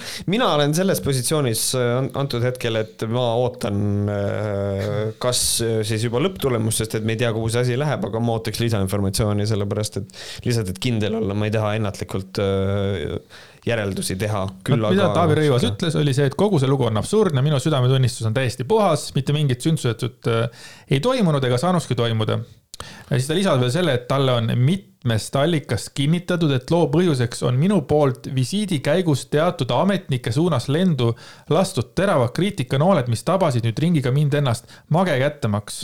see, see on hästi, kusjuures mm, mina olen, minu isiklik seisukoht on see, kui ta ütleb, et kogu lugu on absurdne, minu südametunnistus on puhas, mitte midagi ei toimunud, ei saanudki toimuda, that's it, rohkem ütle mitte midagi mm. -hmm. ja siis sa viitad sellele, et see on mingi kättemaks. miks sul vaja seda öelda on? Kellele see oluline on, sest et siit läheb see narratiiv, et oo, näed, naiste kättemaks, et noh, see on nagu kole. nagu väga-väga kole jah, ja siia otsa tuleb üks artikkel, mida ma tahan lugeda ette ilusasti otsast lõpuni, sest see on oluline. see on äh, Sõbrannas ilmunud Dagmar Lambi äh, artikkel äh, Mees tee suu lahti, mees tee suu lahti. ja see on niimoodi. ma ei mäleta, kas ma sel hetkel pikalt selle aspekti üle mõtisklesin, kuid igal juhul on see saanud aastatega minu jaoks aina selgemaks. vägivald ei lõppe, kui me sellest ei räägi. ning ei piisa sellest, et vägivalla vastu kõlavad ainult naiste hääled ainult mehed saavad lõpetada meeste vägivallatsemise naistega. meeste vaikus on praegu kõnekas ja kõrvulukustav. me ei saa lõpetada naistevastast vägivalda, kui mehed kaasa ei löö. ma segaks äh, nii palju vahele, et äh, just nüüd äh, Objektiivi meediakriitika saates räägiti ka perevägivallast ja siis seal oli vaja ilmtingimata rõhutada seda, et ka naised võivad vägivaldsed olla. see on hästi kummaline asi, mida ma olen tähele pannud, on see, et Objektiiv võib narratiive väänata, olla sõnadega väga osav, aga kui nad äh, räägivad perevägivallast, siis äh, kõik need narratiivid, mida, kõik, mis nad räägivad, on sügavalt debiilne ja infantiilne täiesti. et, et see on, see on nagu üks asi, milles nad üldse ei adu, et nad numbrites ka ei räägi ilmselt, sest et numbrid on nende vastu. et naised võivad ka olla vägivaldsed, et ma nägin, Maarja Punak kirjutas Twitterisse ka seda, et äh, perevägivallas praegusel hetkel see statistika näitab seda et, et kaheksakümmend viis protsenti lähisuhte vägivalla toimepanejatest on mehed ja lähisuhte vägivallaga seotud tapmistest tegid mehed kaheksakümmend protsenti, nii et me räägime valdavas enamuses on koduvägivald äh, täiesti asi, mida teevad mehed. aga objektiivne sama probleem on ka ju mustade teemaga ju. täpselt samamoodi, et mustad on ka, teate, mida nemad teevad kogu aeg, et see Black Lives Matter, et siis hakkab pihta, et White Lives Matter ja kõik see kõik Nad see- keeravad selle, selle hoopis teistpidi nagu mm -hmm. olles mhm. oma selles, nagu sina ütled, oma priviligeeritud valge mehe positsioonis, teadmata, nägemata, mis tegelikult toimub Ameerikas, on ju. just, et siit on hea kaagutada, eks ole. Jah. noh, praegu nad ka istuvad ja ütlevad, ei no aga naised teevad ka vägivalda. jah, kuigi see protsent on, on, on super minimaalne, et nagu selles mõttes jah. Aga ma jätkan. statistika näitab, et perevägivald on murettekitavalt laialt levinud, samuti teame me, et perevägivallast ei teatata. see tähendab, et probleem jääb suletud uste taha. see tähendab palju katkisi peresid, palju ebaturvalisi kodusid, palju lapsi, kes kasvavad üles, nähes, kuidas isa peksab ema. ning jah, ehk võtab see ema julguse kokku ja kutsub appi politsei või helistavad äh, abi järele naabrid, kes laste nuttu ja läbi seinte kostvaid matse ja röökimist enam taluda ei suuda, aga mis saab edasi? Järgmisel päeva hommikul hiljemalt on vägivallatseja kodus tagasi ning kui ohver ei ole selle aja peale jõudnud oma asju ja lapsi kokku pakkida, kogu oma elu maha jätta ning turvalist pelgupaika leida, läheb kõik täpselt samamoodi edasi. perevägivallas surnud ringi peab lõhkuma ning kuigi Eestis on väga palju ametnikke, spetsialiste ja võimuesindajaid, kes tegelevad selle probleemiga piiratud rahastuse olukorras nii hästi kui suudavad, tuleb seda ringi lõhkuda meil kõigil aktiivselt, valjuhäälselt sest praegune olukord tähendab, et vägivallatsejad tunnevad ja usuvad, nad võivad seda teha, nad ei jää kunagi vahele, neid ei karistata, sest ohvrit ei usu keegi. ja isegi kui ohvrit usutakse, kuhu tal ikka minna on, perevägivald ei ole ainult korra tõusnud rusikas, see on süstemaatiline teise inimese hävitamine ja mutta tagumine vaimselt ja füüsiliselt, kuniks tal ei pruugi ühtegi väljapääsu enam olla. Praegu on vägivalla lõpetamisel pandud vastutus ja rõhk ohvrite õlule. meie elud ongi meie endi vastutada, kuid otsus vägivallas vabaks murda võib olla mõnes olukorras võimatu. tekivad suletud ringid kui justkui, kõik justkui teavad, et selles peres pole asjad korras, kuid kui ohver just pole see, kes üleinimlike jõupingutuste najal mõnikord terve oma elu hülgab, see ei juhtugi midagi. vägivalla, vägivallatsejale jääb auhinnaks veel ehk ühine korter ja maja ning vaba voli järgmises suhtes täpselt samamoodi edasi käituda. sõbrad ehk patsutavad veel kiitvalt õlalegi. jah, too oligi sul paras vingad, sealt lahti said karm. Ja muide, see on Jah,, see jah. on nii meeste asi, mida teha nagu selles mõttes. I hated her anyway. just. Ma tean, et kõik mehed pole vägivallatsejad ja ma tunnen väga palju häid mehi, kellel ei tuleks kunagi pähegi kätt oma lähedase suhtes tõsta. ometi on neist samadest headest meestest vaid väga väike hulk neid, kes avalikult vägivalla hukka mõistavad. justkui see poleks nende probleem. ei näe, ei kuule, minuga ei juhtu, järelikult probleemi ei eksisteeri. sellepärast on nii väga tähtis, et just mehed võtaksid lõpuks end kokku ja teeksid suu lahti alustage sellest, et te kuulate naisi ning püüate ausalt päriselt mõista, et naiseks olemise kogemus on meheks olemise kogemusest hoopis teistsugune. Jah, päriselt ka õpetan ma juba oma kümneaastasele tütrele enesekaitsevõtteid. päriselt ka ütlen ma enne kohtingule minemist oma õele ja sõbrannale teidikaaslase täisnime, telefoninumbri ja koha, kuhu ma lähen, kaua ma seal olen ja juhised, mida teha, kui ma teatud aja jooksul endast märku ei anna see ei ole ülepingutatud reaktsioon või paranoia, see on päriselt reaalsus, milles naised elavad ja ellu peavad jääma. muide, mul oli ka nii, et siis, kui ma sain teada, onju, et, et Lemme jäi, et me, et meil tuleb tütar, eks ole mm, -hmm. siis mul oli ka esimene mõte oli see, et nii, nii kui ta jalad alla võtab, kohe läheb enesekaitsetrenni nagu et noh, siiamaani ei ole jõudnud, seepärast et see vist ei ole päris okei okay, ühe või kaheaastast enesekaitsetrenni, trenni lükata, aga, aga, mul on ka mingisugune äh, haiglane nagu või hästi tugev soov, et nagu minu tütar oleks ka mingi hästi, et oskaks ennast kaitsta, eks ole.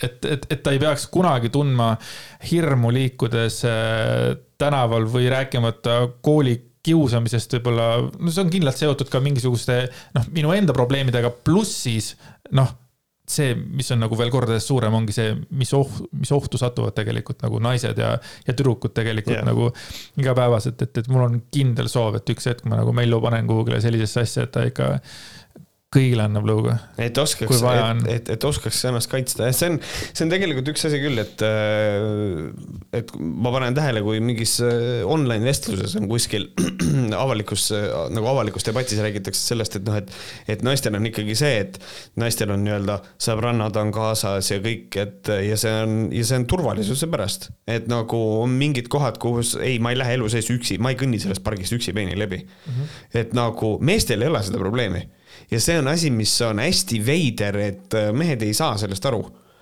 Ja see on, ja see on kummaline ja see on nagu, ja teine asi, mis kogu selle asja juures häirib, on nagu see, et meie hulgas on mingi kontingent mehi, et kui me räägime sellest, et noh, naised ei julge ja siis, siis nad hakkavad inisema läbi peanaha nagu pingviinid ka, et ja, ja kõik mehed on halvad, näete, ja kõik on värdjad. ei ole, see ei ole point, aga kui meil on valdav enamus probleemidest nagu naistevastasest vägivallast sellega tegelevad mehed, siis on naistel ju aus ju natuke mehi karta, selles mõttes avalikus ruumis eriti kuskil et, et, et selles mõttes see on väga normaalne, selle asemel ära tunne et see käib sinu pihta.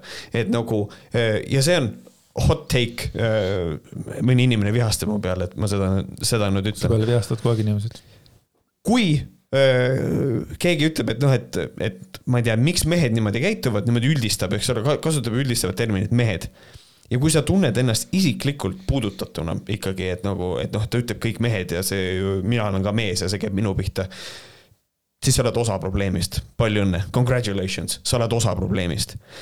mina kuulen seda, et keegi ütleb, miks mehed niimoodi käituvad. ma loen, ma imestan ja ma saan kohe aru, et aga see ei käi minu kohta, mina ei ole selline mees et äh, tasub sügavalt nagu tegeleda enesega nagu enda sisekaemusega ja aru saada nagu sellest, et äh, kas see käib minu kohta ja, ja kui ta käib, siis miks ja mis ma valesti teen et nagu tegeleks eneseparandamine ka. no minu puhul näiteks on see, kui ma mingisuguseid asju näiteks äh, hakkan kohe nagu hakkab nagu ting-ting-ting hakkab tööle, siis päris palju on näiteks seotud minu puhul just sellega võib-olla, kuidas mina mingitel hetkedel oma elus olen käitunud mm. -hmm nagu, nagu selles mõttes, et ma saan aru, mis sa mõtled sellega, et nagu inimesed orkab, hakkavad nagu umbes kohe kaitsma, onju. aga mul on, mul on nii tihti on mingeid asju, ma loen midagi ja mul tuleb nagu kohe mingisugune situatsioon elus, elus meelde, millega ma ei ole nagu kuidagi ei ole nagu äkki rahu teinud või et nagu yeah. ma ei ole rahul, miks ma niimoodi näiteks äh, käitusin kellegagi näiteks mingil ajal, eks ole, et ka, ka vaimne vägivald või mingisugused asjad, eks ole mm,. Yeah. et selles suhtes, et uh, I, I little bit get it nagu sellest, kui inimene tunneb ennast puudutatuna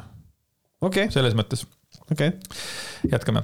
mehed, tehke suu lahti, tehke suu lahti, kui kuulete seksistlikku nalja, sest ei ole sellist asja, asja nagu lihtsalt nali. lihtsalt nali, mis räägib sellest, kuidas vinguv naine tuleks paika lüüa, normaliseerib vägivalda. tehke suu lahti, kui kuulete tänaval mehi naistele komplimente, sulgudes siis äh,, mitte sulgudes, vaid äh, juumärk nendes märkides. jutumärkides. jutumärkides, vabandust.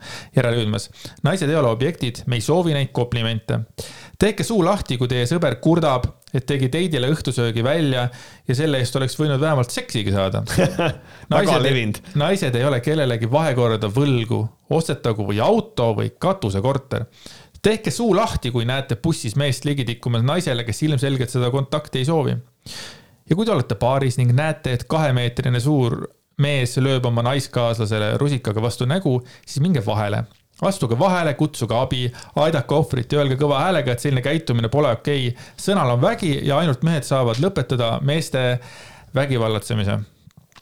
Amen, võiks öelda selle kohta siis ja siin on, all on ka kirjas, et liitu Sõnaväega veebilehel www.sõnavägi.ee ja allkirjasta petitsioon, mis kutsub üles riiklikul tasandil looma süsteeme vägivalla surnud ringi murdmiseks, et teate, mis teha Know what to do.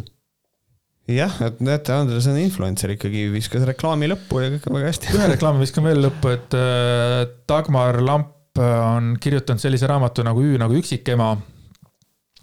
mida ma vist olen lugenud juba kaks korda ja ma oma teises podcast'i intiimselt eraelust lausa oma abikaasaga nagu pikemalt äh, arutasime selle raamatu üle, et see raamat on nagu oh my god, see on siis niinimetatud väljamõeldud lugu äh, ka vägivaldsest, vägivaldsest suhtest mm. -hmm. kui väljamõeldud see lugu on, eks see jääb igale ühele ise nagu, ma ei tea siis mõtlemiseks, aga soovitan väga, kui leiad selle raamatu, siis äh, get it ühesõnaga, kogu see jutt on nagu super õige, et mul, ei nagu, siin on hästi raske on nagu midagi lisada, et need on, need on väga olulised, see on, see, see üleskutse on väga õige, see on täiesti suurepärane, täiesti suurepärane artikkel või nagu kirjutas selle koha pealt, et et noh, mina leian ka seda, et tihtipeale, noh jällegi see on mingi asi, mida tõlgendatakse hästi valesti, et on nagu see, et et sellises olukorras, kus kohas, ma ei tea, nimetame seda siis patriarhaadiks, eks ole, et noh, meil ongi nagu see, et tegelikult meestel on elu lihtsam. meil on teatud plussid elus, et, et ja nagu me kõik meestena kollektiivselt ikkagi nagu võidame sellest, kui naised on nii-öelda paika pandud, et ehk, ehk siis meil on nagu, me, me kõik saame sealt mingisuguseid plusse, et noh, näiteks juba see, et sa lähed tööle ja sa võid kõrgemat palka küsida. Sest et äh, naised on äh, survestatud ajaloo jooksul niimoodi, et nad isegi ei julge rohkem küsida, see on ka tihtipeale argument, jaa, aga vaata, Märt, siin on lihtsalt see, et naised ei julge, ei julge rohkem küsida. ei julge jaa, aga see ei ole argument, sellepärast et miks nad ei julge rohkem küsida, siin on see ka nagu, siin on kohe on see mängus. et, äh, et siin on nagu need asjad ka nagu äh, ikkagi all, aga ühesõnaga jaa, ma, Dagmaril on hästi raske lisada asju juurde. tegelikult selle artikliga oli niimoodi, kui ma seda nagu nägin, siis ma panin selle siia ja ma mõtlesin kohe, et see on selline artikkel, mis ma loen otsast lõpuni. et siin on nagu, siin on kõik on nii kompaktselt kokku võetud, et siin ei ole nagu midagi nagu juurde kommenteerida, vaata. Aga näed, ei tulnud päris nii, ikkagi kuidagi sellest tuli ikkagi nagu mingisugune arutelu. ikka. ma nagu kuidagi tundus, et see on täpselt selline artikkel, mis läheb otse, aga näed, ei läinud. Pea, peaasi, et sa ei tunne, et ma oleksin midagi ära rikkunud. ei, sa ei rikkunud mitte midagi ära. üks saladus on veel, et äh, ma lugesin seda artiklit kaks korda kõva häälega otsast lõpuni ja arvestades sellega, kuidas ma ükskord lugesin, esimene kord, kui ma oleks praegu esimene kord lugenud, see oleks noh, iga teine võinud, see oleks võinud olla eraldi saade. Andres et, loeb. Äh, jaa. Featuring ma, ma, nägin sellega vaeva ja siis ma olengi veits pahane enda peale, et ma kolm korda komistasin selle jooksul. ma olen, mul on väga kõrged need äh, enda jaoks standardid. selle äh, enesekriitilisus, enesekriitilisus. True. kuule, äkki sa helistad Kaja Kallasele õpetad talle lihtsalt enesekriitilisust. aus, aga ma ei saa talle õpetada enesekindlust, et sellega ta pöördub sinu juurde aga äh, lähme ühe inimese juurde, kes on väga enesekindel. Ja, et äh, lähme nüüd teiste, ühe teise naisterahva juurde. ja, kes äh, on, mul on tunne, et ta on nagu natukene nagu seal teises paadis kui. no ta on, ma ei, ma ütleks, et ta ei ole isegi paadis, ta on ulbib palgiga öö, sellel konservatiivsuse merel. tegu on otse loomulikult ei keegi muu, kui sa küsid, mis palgil, eks ikka Pärna palgil. ehk siis tegu on Malle Pärnaga. Valle Pärnaga ja tema tegi sellise vahva artikli, ehk ta, see ei ole ka artikkel, see on lihtsalt kolumn, kuidas, mis on kolumni ja artikli vahe on või? arvamusartikkel, kolumn, the same vist või? noh, ta, ta kirjutab kolumni, on see, et ta kirjutab nagu Malle Pärn kirjutabki, tal on vaja kirjutada iga mingi teatud aja tagant mingi artikkel valmis põhimõtteliselt. oota, mis selle Silvia Ilvese ees oli, Vaksi? Vaksi. lihtsalt Vaksi? Vaksi Silvia. et ja siis see kolumn on siis Vaksi Silvia lemmik portaalist Objektiiv. Objektiiv muidugi ja, ja meie enne ju mainisime Malle Pärna ka muidugi. just. ja siin on niimoodi, et siin ei ole mingit pikka lugu, siin on kaks lauset või lause ja mõte jaa. lause, mõte. lause, mõte, lähme edasi, võtame, ma kohe võtan esimesed, ma võtan kaks lauset ära ja siis siin on juba mõttekoht. Postimehe ajakirjanik küsis minult, kust vaktsiinis kahtlejad võtavad oma informatsiooni, eks ikka internetist, kust mujalt, aga valikuliselt. aga näed, see Postimehe ajakirjanik, nüüd me teame, kust see Postimehe ajakirjaniku teema tuli mm. -hmm teisest äh, teemast, mis meil oli siin. Äh, võtavad oma, eks ikka internetist, kus mujalt, aga valikuliselt. mulle nii meeldib, ta nagu tunnistab üles, et ei, me võtame nagu internetist oma selle informatsiooni, aga valikuliselt, et noh, see, mis meile sobib, selle me võtame. just, see ütles ausalt välja ja ennem Postimehe artiklis ta ütles ka seda, et noh, et äh, tal on ka hästi erudeeritud sõbrad ja tuttavad ja sealt ka selles mõttes, et äh, jah, see on nagu, see on kusjuures see on asi, mida saab äh, südamele panna meie kuulajatele ka, et äh, üks viis, kuidas saada väga hästi Google'ist neid vastuseid, mida sa tahad, on see, et sa guugeldad, sa guugeldad õigesti. nagu sa guugeldad seda vastust, mida sa tahad kuulda.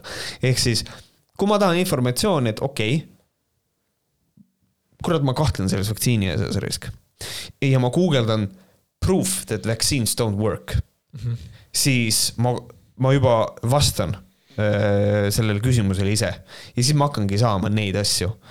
Et selle asemel võiks guugeldada neutraalselt öö, Covid-19 vaktsiinide kõrvaltoimed lihtsalt ja vaadata mingeid öö, allikaid ja, ja jällegi vana hea, vaata, et see oleks peer review'd uurimistöö, et see ei oleks preprint, mis on lihtsalt kirjutis, mis on, see on põhimõtteliselt lihtsalt üks teadusliku lobaga artikkel esialgu. et, et ühesõnaga, et kõik sihuke allikakriitilisus võiks ka nagu säilida, aga see, et selle välja ütleb Malle Pärn, see on jälle, vot see on jälle, Malle Pärn suudab mind üllatada, ta on kuidagi nagu, ta on nagu ta on, ta on maski maha võtnud, et ta on nagu see, et ei, mis internetist otsime, aga valikuliselt. väga, nii ei, mul mul ei ole midagi lisada. selge. mina võtan vastu informatsiooni, mis tundub mulle loogiline ja usaldatav, ehk siis täpselt seesama, mis Just, just ütles. mille tagant ei paista mingi miljardäri tohutu kasumi teenimise sarved No. no.. et see on vandenõutõrje, teore, teore. see on, see on vandenõuteooria esiteks ja, ja, ja samas okei okay,, oota, kuskohast see Ordo Juuris ja kõik need seda raha saavad Kremlist, jah, okei okay,, huvitav.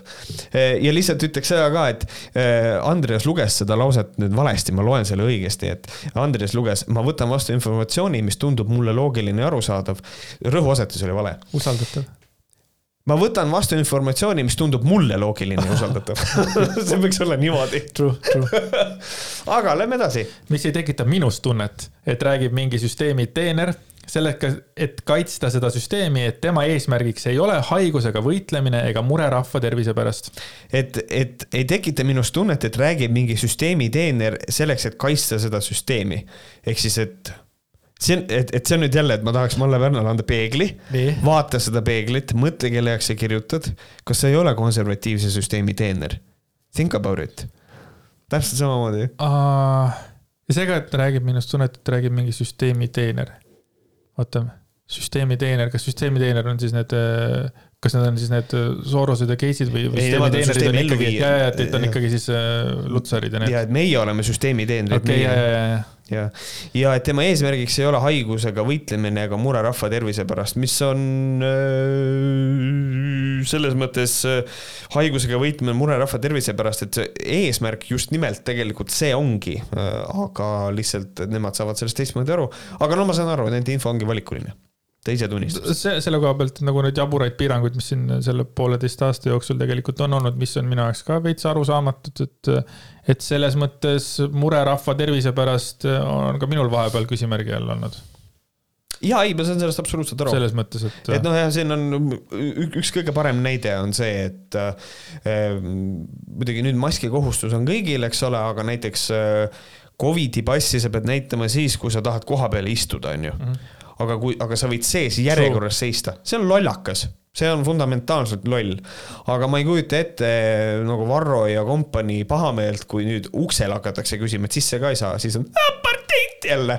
et siis hakkab see kuradi nutt ja hala, et, et selles mõttes on, on teatud asju, mis tekitavad küsimusi ja, aga, aga noh, meie, meie su, nagu suur viga ongi see, et meie sinuga vähemalt, me ikkagi loodame nagu selle nagu teatud solidaarsusele, aga noh, see selleks. mm. Mina usun neid teadlasi, kelle esinemises ma tunnen ära siira soovi inimesi aidata ja haigusega võidelda. otsida ja leida tõde. näiteks Peter McCullough, palun väga, otsige internetist üles. otsisin, tegu on, tegu on inimesega, kes ajab suust sitta välja. Märt Koik, noh, alla kirjutatud Märt Koik. ma usun teda, mitte Popovi või Lutsarit, sest ma tunnen, et tema räägib seda, mida ta päriselt mõtleb ja millesse usub, aga meie vaktsiiniusklikud suruvad meile peale neile endilegi kõrgemast instantsist peale surutud ideoloogiat, millesse nad tegelikult ehk ise ei usugi. nii, selle koha peal ma ei oleks elu sees uskunud, et Malle Pärn saab hakkama sellise prohmakaga. Et, et ta ütleb, et eh, mina usun, mina usun seda kuradi random fucking doktorit, kelle ma leidsin kurat guugeldades mingist kuradi eh, blogist on ju. mitte meie kohalikke arste nagu Popov ja Lutserit, sest et ma tunnen, et see suvaline arst, kelle ma internetist leidsin mingist suvalisest blogist, et tema räägib seda, mida ta päriselt mõtleb. ja millesse ta usub usub, aga meie vaktsiiniusklikud suruvad, no aga nad usuvad sellesse, meie arstid ka usuvad sellesse. et nagu, mis sa nüüd teed, nad usuvad erinevaid asju, Malle. Are you okay?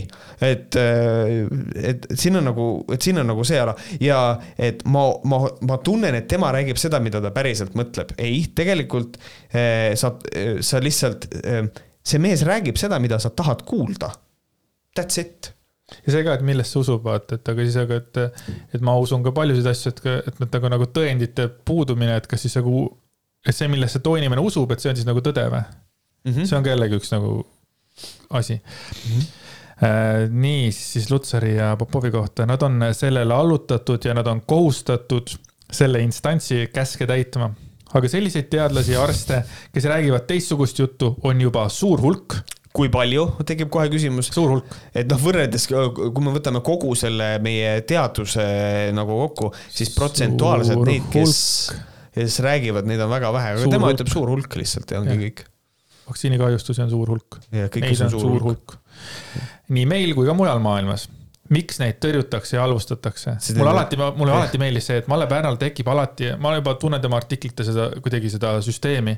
ja üks hetk ta hakkab äh, küsima hästi palju küsimusi mm -hmm.. eelmine artikkel me võtsin, võtsime äh, kunagi siin mõni aeg tagasi, oli samamoodi oli mingi seitse küsimust oli, no ongi täpselt ekspert küsimused mm, -hmm. nüüd hakkab pihta. miks neid tõrjutakse ja halvustatakse? miks neid kuulda ei võeta? miks isegi ei kaaluta, kas hoopis neil võiks õigus olla kas me kõik ikka oleme huvitatud selle pandeemia võitmisest ja võimalikult suurema hulga inimeste päästmisest või ei ole?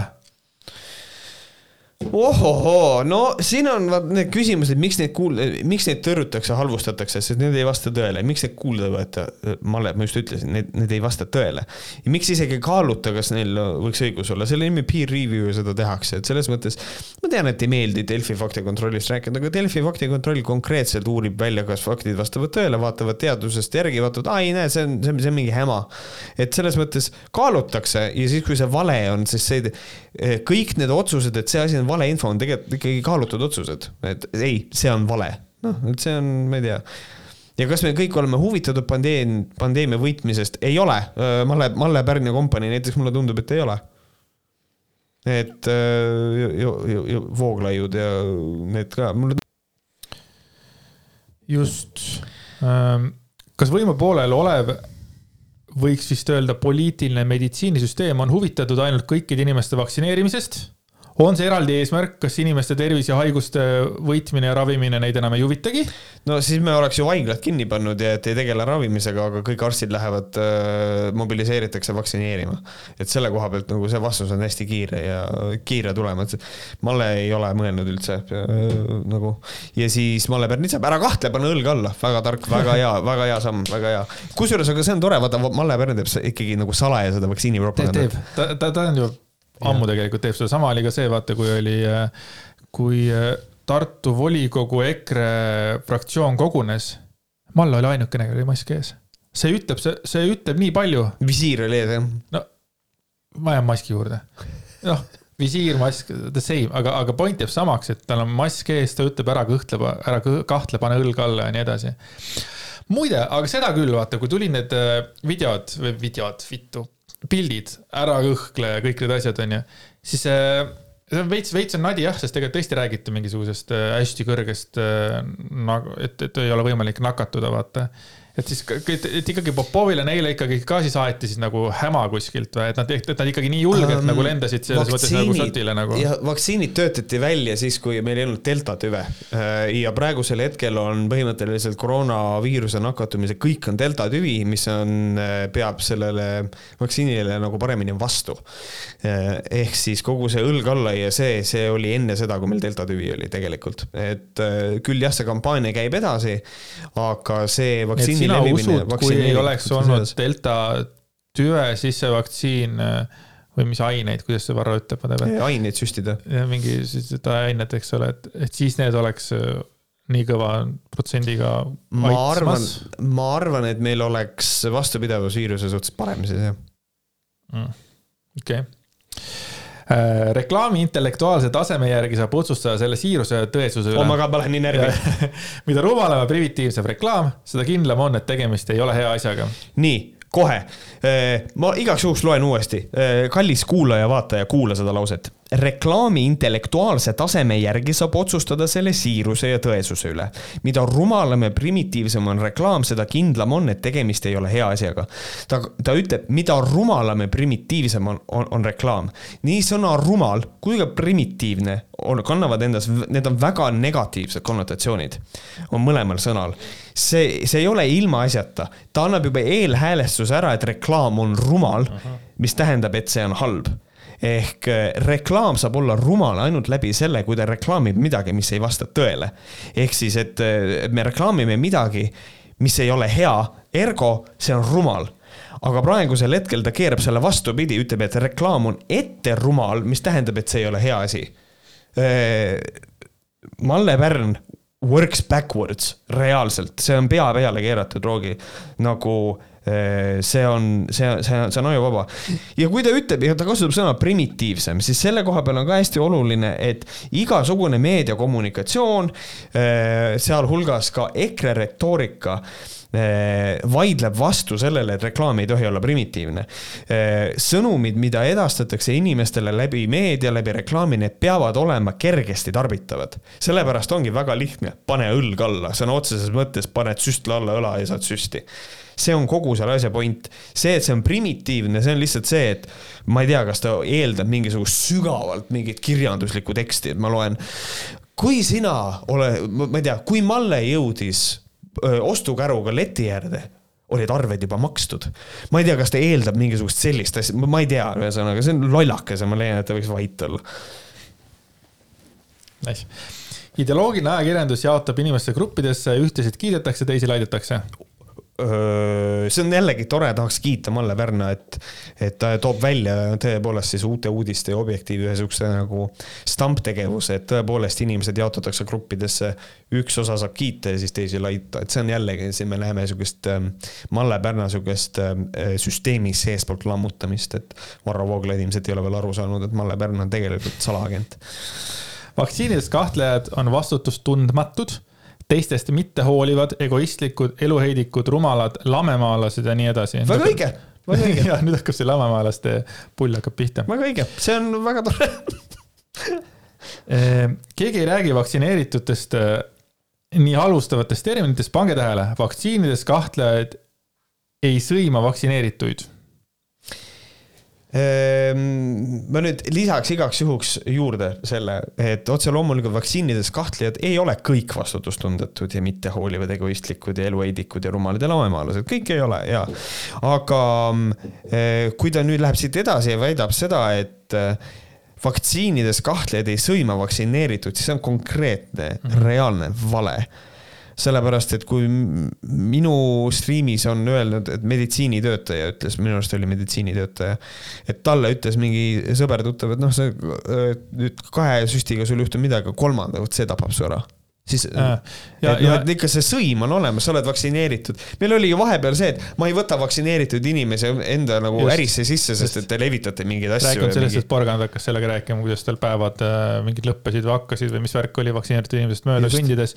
Ja Jaanika. Veski oli just see äh, lunatik äh, Võrumaa küüntehooldaja äh,, kes äh, rääkis äh, ühes oma selles mm, Facebooki postituses niimoodi pikalt-laialt, et äh, teiega on kõik, kõik, kes te olete kaks äh, süsti ära saanud, teiega on kõik, te surete. noh, kõik soo ja siis hakkas see kolmanda süsti jutt pihta ja siis ta tuli uus äh, live tuli ja siis ta rääkis sellest. Teie, kes olete kaks tükki saanud, teil on veel lootust, teil on veel lootust, kõik on veel, veel tehtav. aga teie, kes te teete selle kolmanda, te surete, te surete. ja siis mul oli ainult, ei, ei, me pidime surema peale kahte süsti ja nüüd ta räägib, et meil on lootust.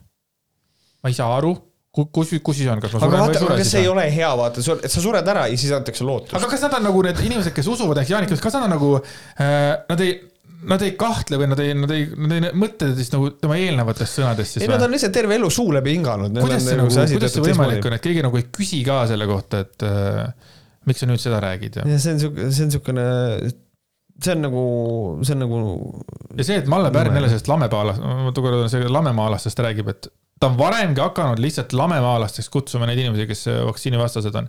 miks ta teeb seda? tema teeb seda, ma ei kuule inimesi nagu niivõrd palju, jah, mõned ütlevad, onju, aga noh, mõned ütlevad ekrelased, Tõnumaal, mis iganes, aga see lamemaalaste sildi külge kleepimine Malle Pärna poolt on tegelikult veits nagu äh, nõme sõprade suhtes. jah, selles mõttes küll. Ja tegelikult ma tahaks veel seda ka lisada, et äh, kui ta räägib, et vaktsiinides kahtled ei sõima vaktsineeritud, siis ma lihtsalt pakuks talle, et ma tean, et ta tarbib infot hästi valikuliselt, ta ise seda ütleb kõige esimese asjana artiklis kohe ära, aga vaata veel ringi, sõimatakse küll, see ei vasta tõele, sõimatakse, sõimatakse. Miskipärast on just vaktsineeritud need, kes kahtlejaid sõimavad ja süüdistavad ja tahavad neid ühiskonnast välja tõrjuda, neile arstiabi, arstiabi ära keelata mm., neilt hakata ravikindlustust ära võtma, neile haiglates uksed sulgeda, sulgeda.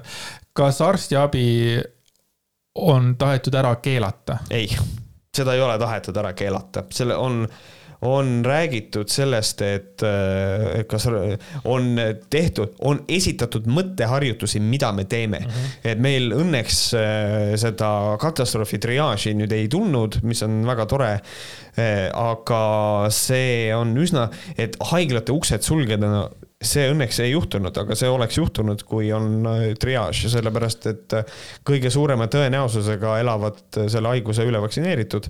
ja siis, kui me hakkame inimesi panema lahtritesse, et me ei saa teda päästa, et me võtame need inimesed, kellel on suurem tõenäosus ellu jääda ja kulub vähem ressurssi, siis võetakse vaktsineeritud on inimesed. seotud vaktsineeritusega, ma tahaks nagu päriselt näha neid arste, kes nagu, ma ei tea, inimene tuleb, ma ei tea, mis hädaga, eks ole, ja, ja ta ei ole vaktsineeritud, lükkame kõrvale ja siis võtame selleks, ma ei, ma ei, ma ei, ma ei No, usu, ma ei usu ma seda, et ma räägin siinkohal muidugi juba Covidi, et inimene on Covidi ma- pärast ma triaažis. okei okay,, Covidi pärast, sellest mm. -hmm. ma mõtlen Et- üldiselt, et vaata, kui siin haiglad pannakse kinni, enam ei ole võimalik ja siis hakataksegi valima, et nii, ahah, sina oled vaktsineeritud, sina oled vaktsineerimata. ja. ma, ma nagu ei usu seda ja palun vabandust, et ma olen loll ka, et, et selles mõttes ja, et kui, et selles mõttes, kui sul on, et kui sul on jalaluu katki, sa oled vaktsineerimata, siis nagu sa ei jää arstiabita selles mõttes mm -hmm. ja no, sa,. Aga noh, ma ei tea, Malle Pärn räägib sellist juttu, et arstiabi ära keelata, ravikindlustus ära võtma, haiglate uksed sulgeda, aga okei okay. Eks see või tekitada muljet, et inimene on ehk selle vaktsiini mõju all nii kurjaks muutunud. on lausa täheldatud, et enne rääkis ta väga arukat juttu ja temaga oli võimalik rahulikult ja mõistlikult ükskõik mis teemasid arutada, ent peale vaktsineerimist on ta korraga muutunud jäigaks fanaatikuks, kes vaktsiinis kahtlejaid lamemaalasteks ja kloorijoodikuteks sõimab ja tahab nad vangi panna ongi äkki kõik äh, vaktsiini kõrvalmõju, mina tahaks kohe öelda, et see ei, see ei ole vaktsiini kõrvalmõju, sellepärast et äh, vaktsiinivastased äh, päris, päris mitmed kutsuvad inimesi kodaniku all, allumatusele, Varro Vooglaid eeskõnelejana suurelt kõvasti, eks ole. Kristliku taustaga Varro Vooglaid ühes Objektiivi saates kutsus inimesi värdjateks ta kutsus mm -hmm. värdjateks ja mitte üks kord, vaid korduvalt ta kutsus värdjateks äh, inimesi. me räägime sellest inimesest, kes äh, ligimesi peaks armastama ja noh, see on see Kristuse põhisõnum, nagu ma aru saan. ja, ja, ja siis see vangipaneku asi on täpselt samamoodi, mul tulid kohe need pildid ette, kus äh, on äh, Tanel Kiige ja Kaja Kallase pildid, kuidas nad on teinud mingisuguseid kuritegusid ja peaks mm -hmm. vangi panema, et millest Malle praegu räägib ja ilmselgelt see ei ole vaktsiini kõrvalmõju, seepärast et Varro on ülikuri või ta tõesti on selle vaktsiini ära teinud. vaata, ongi kaks varianti, see, kas ei ole vaktsiini kõrvalmõju või on. ja ma ei tea, kas vaktsiinis äh, kahtlejaid äh, sõimatakse ka kloorijoodikuteks, kloorijoodikuteks, ma ei tea, kas sõimatakse, aga pigem on see jälle selline MMS-i äh, värk mina ei ole täheldanud, aga võib-olla mingis äh, selles võib-olla küll. vaat siin on ka see, et, et noh, ta, ta siin kirjutab ka, et vaktsiinivastased on vale termin, juba valede terminite kasutamine näitab, et tegemist ei ole tõega, vaid propagandaga. ei, valede terminite kasutamine tähendab tegelikult seda, et inimene võib ka eksida, aga see selleks. oota, kes see MMS-i tädi oli? Janek Veski. ma valetasin, ma ütlesin ennem vale nime. mitte Jaanika Veski, vaid see, kes see Võrus oli see, kes ei lubanud inimesi tulla küüni tegema küüsi. Küüsi. mul ei tule selle inimese nimi meelde. et ma valetasin, see ei olnud Jaanika Veski, kes jah. ütles, et kolmas äh, süst tapab teid. jah, jah, just. aga siin ongi nagu see, et ähm, ta ütleb, et noh, et valede terminite kasutamine näitab, et tegemist ei ole tõega, vaid propagandaga, et vaktsiinivastasteks, et otse loomulikult kõiki, need ei ole kõik vaktsiinivastased, vaktsiinivastased on minu jaoks siuksed, inimesed nagu näiteks Veiko Huuse ja Meeli Lepson, kes on nagu see, et vaktsiinid ongi, see on mürk genotsiid. Et see, et vaktsineerimine on genotsiid, et väga, väga raske on neid inimesi mitte nimetada vaktsiinivastasteks, sest et on nagu konkreetselt, nende probleem on see, et inimesi tahetakse vaktsineerida. mis nad siis on? et see on sihuke, see on niisugune nõme. õige oleks vaktsiini vajalikkuse ja, ja ka kahjustuses kahtlejad, väga paljud inimesed lihtsalt ei usalda ja kardavad seda tundmatut vaktsiini. termin tundmatu vaktsiin ajab ka muidugi, noh, et ta on praeguseks hetkeks on ikkagi rohkem kui pool maailma rahvastikust vaktsineeritud. ta ei ole nii tundmatu, meil on, kui sul on vaja andmeid, siis vaata neid andmeid, et äh, see suht safe on see. mina mõtleks ka, et, et Malle Pärn, et nagu, et aga milline tuntud vaktsiin, et siis räägi mulle sellest tuntud vaktsiinist, et kas nagu tema tunneb või nagu maailm tunneb või mi- mida ta nagu mõtleb sellega. Mhm. et see on tundmatu vaktsiin, aga teised on siis nagu siis nagu tuntud vaktsiinid või? jah, et mingid on, mingid on tuntud. et see on ikka, see on ikka päris õudne. nii, kogu maailmas on olnud palju surmajuhtumeid, mida varjatakse, midagi isegi ei uurita, samuti väga raskeid kõrvaltoimeid, rääkimata meeletust vihast nende vastu, kes ei taha või ei pea va- vajalikuks end vaktsineerida. mitte ühtegi viidet, mitte midagi, et on surmajuhtumeid, mida Palju varjatakse, mida ei mida ei uurata. palju doktoreid, palju surmajuhtumeid, tal on see kõik on selline palju propagandistid ei ole õnneks kunagi eriti arukad, nad ei saa aru, et mida suurem on propagandasurve, seda vähem seda usutakse. seda vähem see, seda vähem see inimesi mõjutab. selle mõju võib pigem olla vastupidine, mida rumalam, agressiivsem ja primitiivsem propaganda, seda vähem seda usutakse ja seda rohkem selle vastu protestitakse, ilmselt sellepärast, et tarka inimest ei saa ju rumala propaganda teenistusse värvata just, jah. ma arvan, et sul on mingi koht, mis asi, mida sa tahad öelda selle peale. sa mõtled seda, et EKRE-s on ainult lollid või? jah, et tõsi, tarka inimest ei saa rumala propagandateenistusse värvata sellepärast ongi nii Objektiiv kui ka EKRE väga populaarsed, jah. Kuigi selles mõttes, kuigi ma ei, ma ei ütle, et EKRE-s on ainult lollid, ma lihtsalt. jah, kindlasti mitte. EKRE-s on kindlasti tarku inimesi ka. aga seal on väga palju lolle nagu Just. selles mõttes, et Äh, kui midagi väga vägivaldselt peale surutaks, siis tekib mõtleval inimesel, mõtleval inimesel ikka, mõtleval inimesel tekib äh, alati kahtlus, et see ei saa olla hea asi, mille vastuvõtmiseks on vaja inimesi sundida. me ma ei tea ühtegi äh, head asja, mida oleks inimestele vägivaldselt peale surutud või tohutute kampaaniatega tänavatele välja riputatud. vot ta on vägivaldselt peale surutud, nagu what the fuck, millest sa räägid? aga no mõni inimene tunnetab tõepoolest, et kui tema tööandja ütleb, palun vaktsineeri ennast ära, siis see on vägivaldselt pealesurumine. ei, minu jaoks on küsimus tohutu kampaania. minuk on tohutu, tohutu kampaania. kust algab tohutu kampaania? ma nüüd ei mäleta, sest et ma arvates olin väike, aga kui see kondoomi asja näiteks tulid, et noh, et saab kondoomi kasutada, kuna huvitav kondoomid tuli, ma ei tea. ilmselgelt tuli sellele mingisugune kampaania, et noh, ei jää suguhaigustesse, mis iganes. ma kujutan ette, et ta võiks ka tohutu kampaania olla, näiteks, on ju, ma ei tea, kui suur on tohutu kampaania. ja siis ta ei saa ju öelda niimoodi, et ma ei tea mitte ühtki head asja, mida oleks inimestele vägivaldselt peale surutud, tohutute kampaaniatega tänavatel välja riputatud. nagu jah, see vägivaldselt pealesurumine, see on nagu anyway on ju, fuck you on ju. aga mm -hmm. tohutu kampaania, mina kujutan küll ette, et kui mingi, et on olemas, ma usun, et on olemas äh, palju häid asju, mida on tohutute kampaaniatega nagu tehtud jah, muidugi on. ma nagu ei kahtle ka selles. tige sildistamine on alati vaimse allajäämise näitaja. jep, jaa, väga õige, jälle enesekriitika on tegelikult on point. on, on. kui mingi teooria on tõene, õige ja usaldatav, siis on seda võimalik inimestele mõistuslikult selgitada. tundub, et ei ole ju. maailm on ju interneti kaudu meie kõikide ees lahti ja seal on mitmesugust informatsiooni. palgaline teadlane ja palgaline rahvajuht on kohustatud läbi kaaluma ka seda informatsiooni, mis tema kitsa poliitilise pro- programmiga kokku ei lähe selles mõttes, et mul on, mul on veits sihuke tunne, et, et Malle oleks nagu interneti avastanud, et alles. et, et päris pa- palju ta mainib just seda, et umbes, et nad, internet on ju meie kaudu ees lahti ja kõik selline ja kõik, ma valin sealt informatsiooni ja kuidagi selline nagu, ta nagu nii newbie tundub olevat selle asjaga mm. -hmm. ja teine asi on see palgaline teadlane, palgaline rahvajuht. Martin Helme oli ka palgaline rahvajuht, näiteks. jah, muidugi oli. Et äh, ma ei ja saa, ja tuletame meelde, milline oli ka valitsuse nagu, mida nad siis tegid, eks ole, ikkagi ka aga nagu nad saavad öelda seda tegelikult, EKRE saab öelda seda, et kuna me ei teadnud, kui hull see haigus on, siis me igaks juhuks panime umbes kõik putka kinni ära. ja nad saavad selle peal praegu väga hästi. Muidugi. jah, et ja. nendel oli selles mõttes oli nagu parem positsioon. nii, eriti kriisitingimustes, ta peab mõtlema rahvale, mitte rahale. mis rahale? jah, sellepärast, et- see ei ole riigile nagu väga. just valitsus taob, eks ole, neid kuradi äh, kõik need majanduskahjud kinni, onju mm. -hmm. et mis rahast, millele Malle nagu, nagu viitab?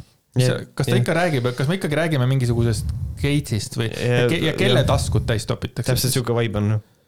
et kas EKRE taskud olid ka siis sel hetkel täis või kas mingi väike riigike nagu Eesti, et ekstra nagu on mingid inimesed, kes käivad ja topivad taskuid täis või? Ma ei kujuta ette, see on nii lollakas, et see on lihtsalt nagu jah, meil ettevõtetele vist praegu ma ei tea, vist ei maksta, aga nagu loomeisikud saavad toetuseid ja et see on riigile tegelikult ikkagi nagu väga kulukas. see on korralik koormus ju, rääkimata veel ka, et kas vaktsiini ikkagi tuleb ka ju osta. jaa, muidugi, muidugi, et see kõik on ju meil, vaktsiin on ju inimesele tasuta. mõtlev inimene otsib äh, ju ka seda informatsiooni ja kui ta näeb, et juht või võimu poolel olev teadlane ei arvesta või ei tea seda, mida tema teab ja usub, siis see juht ja teadlane kaotavad tema usalduse. esimene asi, mõtlev inimene. kas on mõni inimene, kes ei mõtle nagu päriselt, kas nagu, nagu täielik mm. -hmm. see ei ole, miks see, miks, miks see, ma vihkan seda mõtleva inimese mingisugust lauset nagu mõtlev inimene, mõtle oma peaga, kelle peaga sa mõtled või siis, või siis, kes ei mõtle, ma ei tea seda inimest nagu, ikka mingi mõte toimub seal onju. Mhm. Ja siis, et äh, olev teadlane ei arvesta või ei tea seda, mida tema teab ja usub. et siis, et siis me jäämegi siis sinna, et, et kui, kui mina tean ja usun midagi, mida Kaja Kallas ei usu ja ei tea, siis põhimõtteliselt ta on nagu kohe maha kirjutatud. maha kirjutada, mina pean, tähendab noh, et otsima ikkagi mingit informatsiooni. et äh, või selles mõttes, et jah, et nemad ei tea, mida nad teevad, minu arvates, mm. Nii palju ma sain aru. selgitan veel, ehkki poolkirjaoskamatud võivad mind süüdistada selles, et ma kaitsen lamemaalasi ja alustan tänuväärset tööd tegevaid teadlasi. kindlasti mitte, esiteks, kes on poolkirjaoskamatud ja kas, kas kirjaoskamatus nagu üldiselt, mis see pool on, kas see on nagu mina, et nagu ei tea, kuhu komad panna siis või? ta oskab lugeda, aga ei saa nagu komadest. ma ei, ma ei tea, mis asi on poolkirjaoskamatu, et, et sa ei saa lugeda, see sul puudub funktsionaalne lugemisoskus, aga siis ta oleks võinud seda kirjutada. just, ja see ka, et ta kaitseb lamemaalasi. mina ei tea, miks ta neid lamemaalasteks kutsub. Mm. see on nagu Kris Kala, kes kutsub oma kuulajaid parasiitideks. jaa. ja see, see on selline Kris Kala vibe on selle Malle Pärna selles, et ta nagu kutsub lamemaalasteks enda lugejaid, mis minu arust ei ole õige. aga okei okay., ma ei alusta kedagi, ma püüan seletada suurte tähtedega, mis maailmas inimestes toimub, sest ma tajun ja tunnetan reaalsust. saad aru, saad aru, milline üleolev fucking mm. suhtumine see on? tema tajub ja tunnetab reaalsust ja Mina kui tean. juht ei mõtle nii, nagu tema mõtleb, siis ta mõtleb valesti, oli nagu eelmisest lausest veel. ja tunnen siirast huvi inimese kui sellise vastu. ma tahan näha asjade põhjusi, mitte tulemusi või tagajärgi või mingi tegutsemise vilju ja õisi. Ma tahan näha asjade põhjusi. ma tahan näha põhjuseid, mitte tulemusi või tagajärgi või tegutsemise vilju ja õisi, siis miks sa teed asju? Või kas ma... või mingi tegutsemise vilju ja õisi. ma tahaks küll ikka nagu vilju noppida ju mingi, nagu tee midagi ära või? Malle Pärnal nagu, et äh, davai, kuule, ma mõtlesin, värviks su maja ära, eks ole, ostab värvipotsikud kohale ja siis, aga Aga ta aga ta ei värvi, ta tegeleb sellega, miks vaja värvida aga miks on vaja värvida? no on kole. vaata. ja siis muudkui mõtlebki selle peale, sest ta ei taha näha vilju ja õisi ega tagajärgi ja tulemusi jah, miks ma panen seemneid mulda, miks ma teen seda? ütleme, et inimene kardab vaktsiini, sest ta kuulis, et keegi suri süsti tagajärjel. meditsiinisüsteem püüab talle selgitada, et surma põhjus oli miski muu, mingi inimeses peidus olnud haigus. aga ta suri ju siis, kui talle tehti see süst. kui poleks see süsti tehtud, ehk oleks ta selle haigusega elanud veel mitu aastat. aga ehk ei oleks elanud. just, ehk ei Et oleks. see on nagu spekulatiivne aga kui ta, ta suri ju, kui talle see süst tehti. See on, see on see klassik, klassikaline, et äh, nelisada inimest sai eile surma. et, et lihtsalt, et ongi, et ja kõik olid vaktsineeritud, täitsa perses ongi nii ja mis siis juhtus, lennuk kukkus taevast alla. et noh, see on nagu jah, aga nad olid kõik vaktsineeritud. kui nad oleks vaktsineerimata, võib-olla ei oleks lennuk alla kukkunud, no see on siuke loogika juba. kas pole tohutu õnnetus surra või muutuda eluaegseks invaliidiks ühe süsti tõttu? on.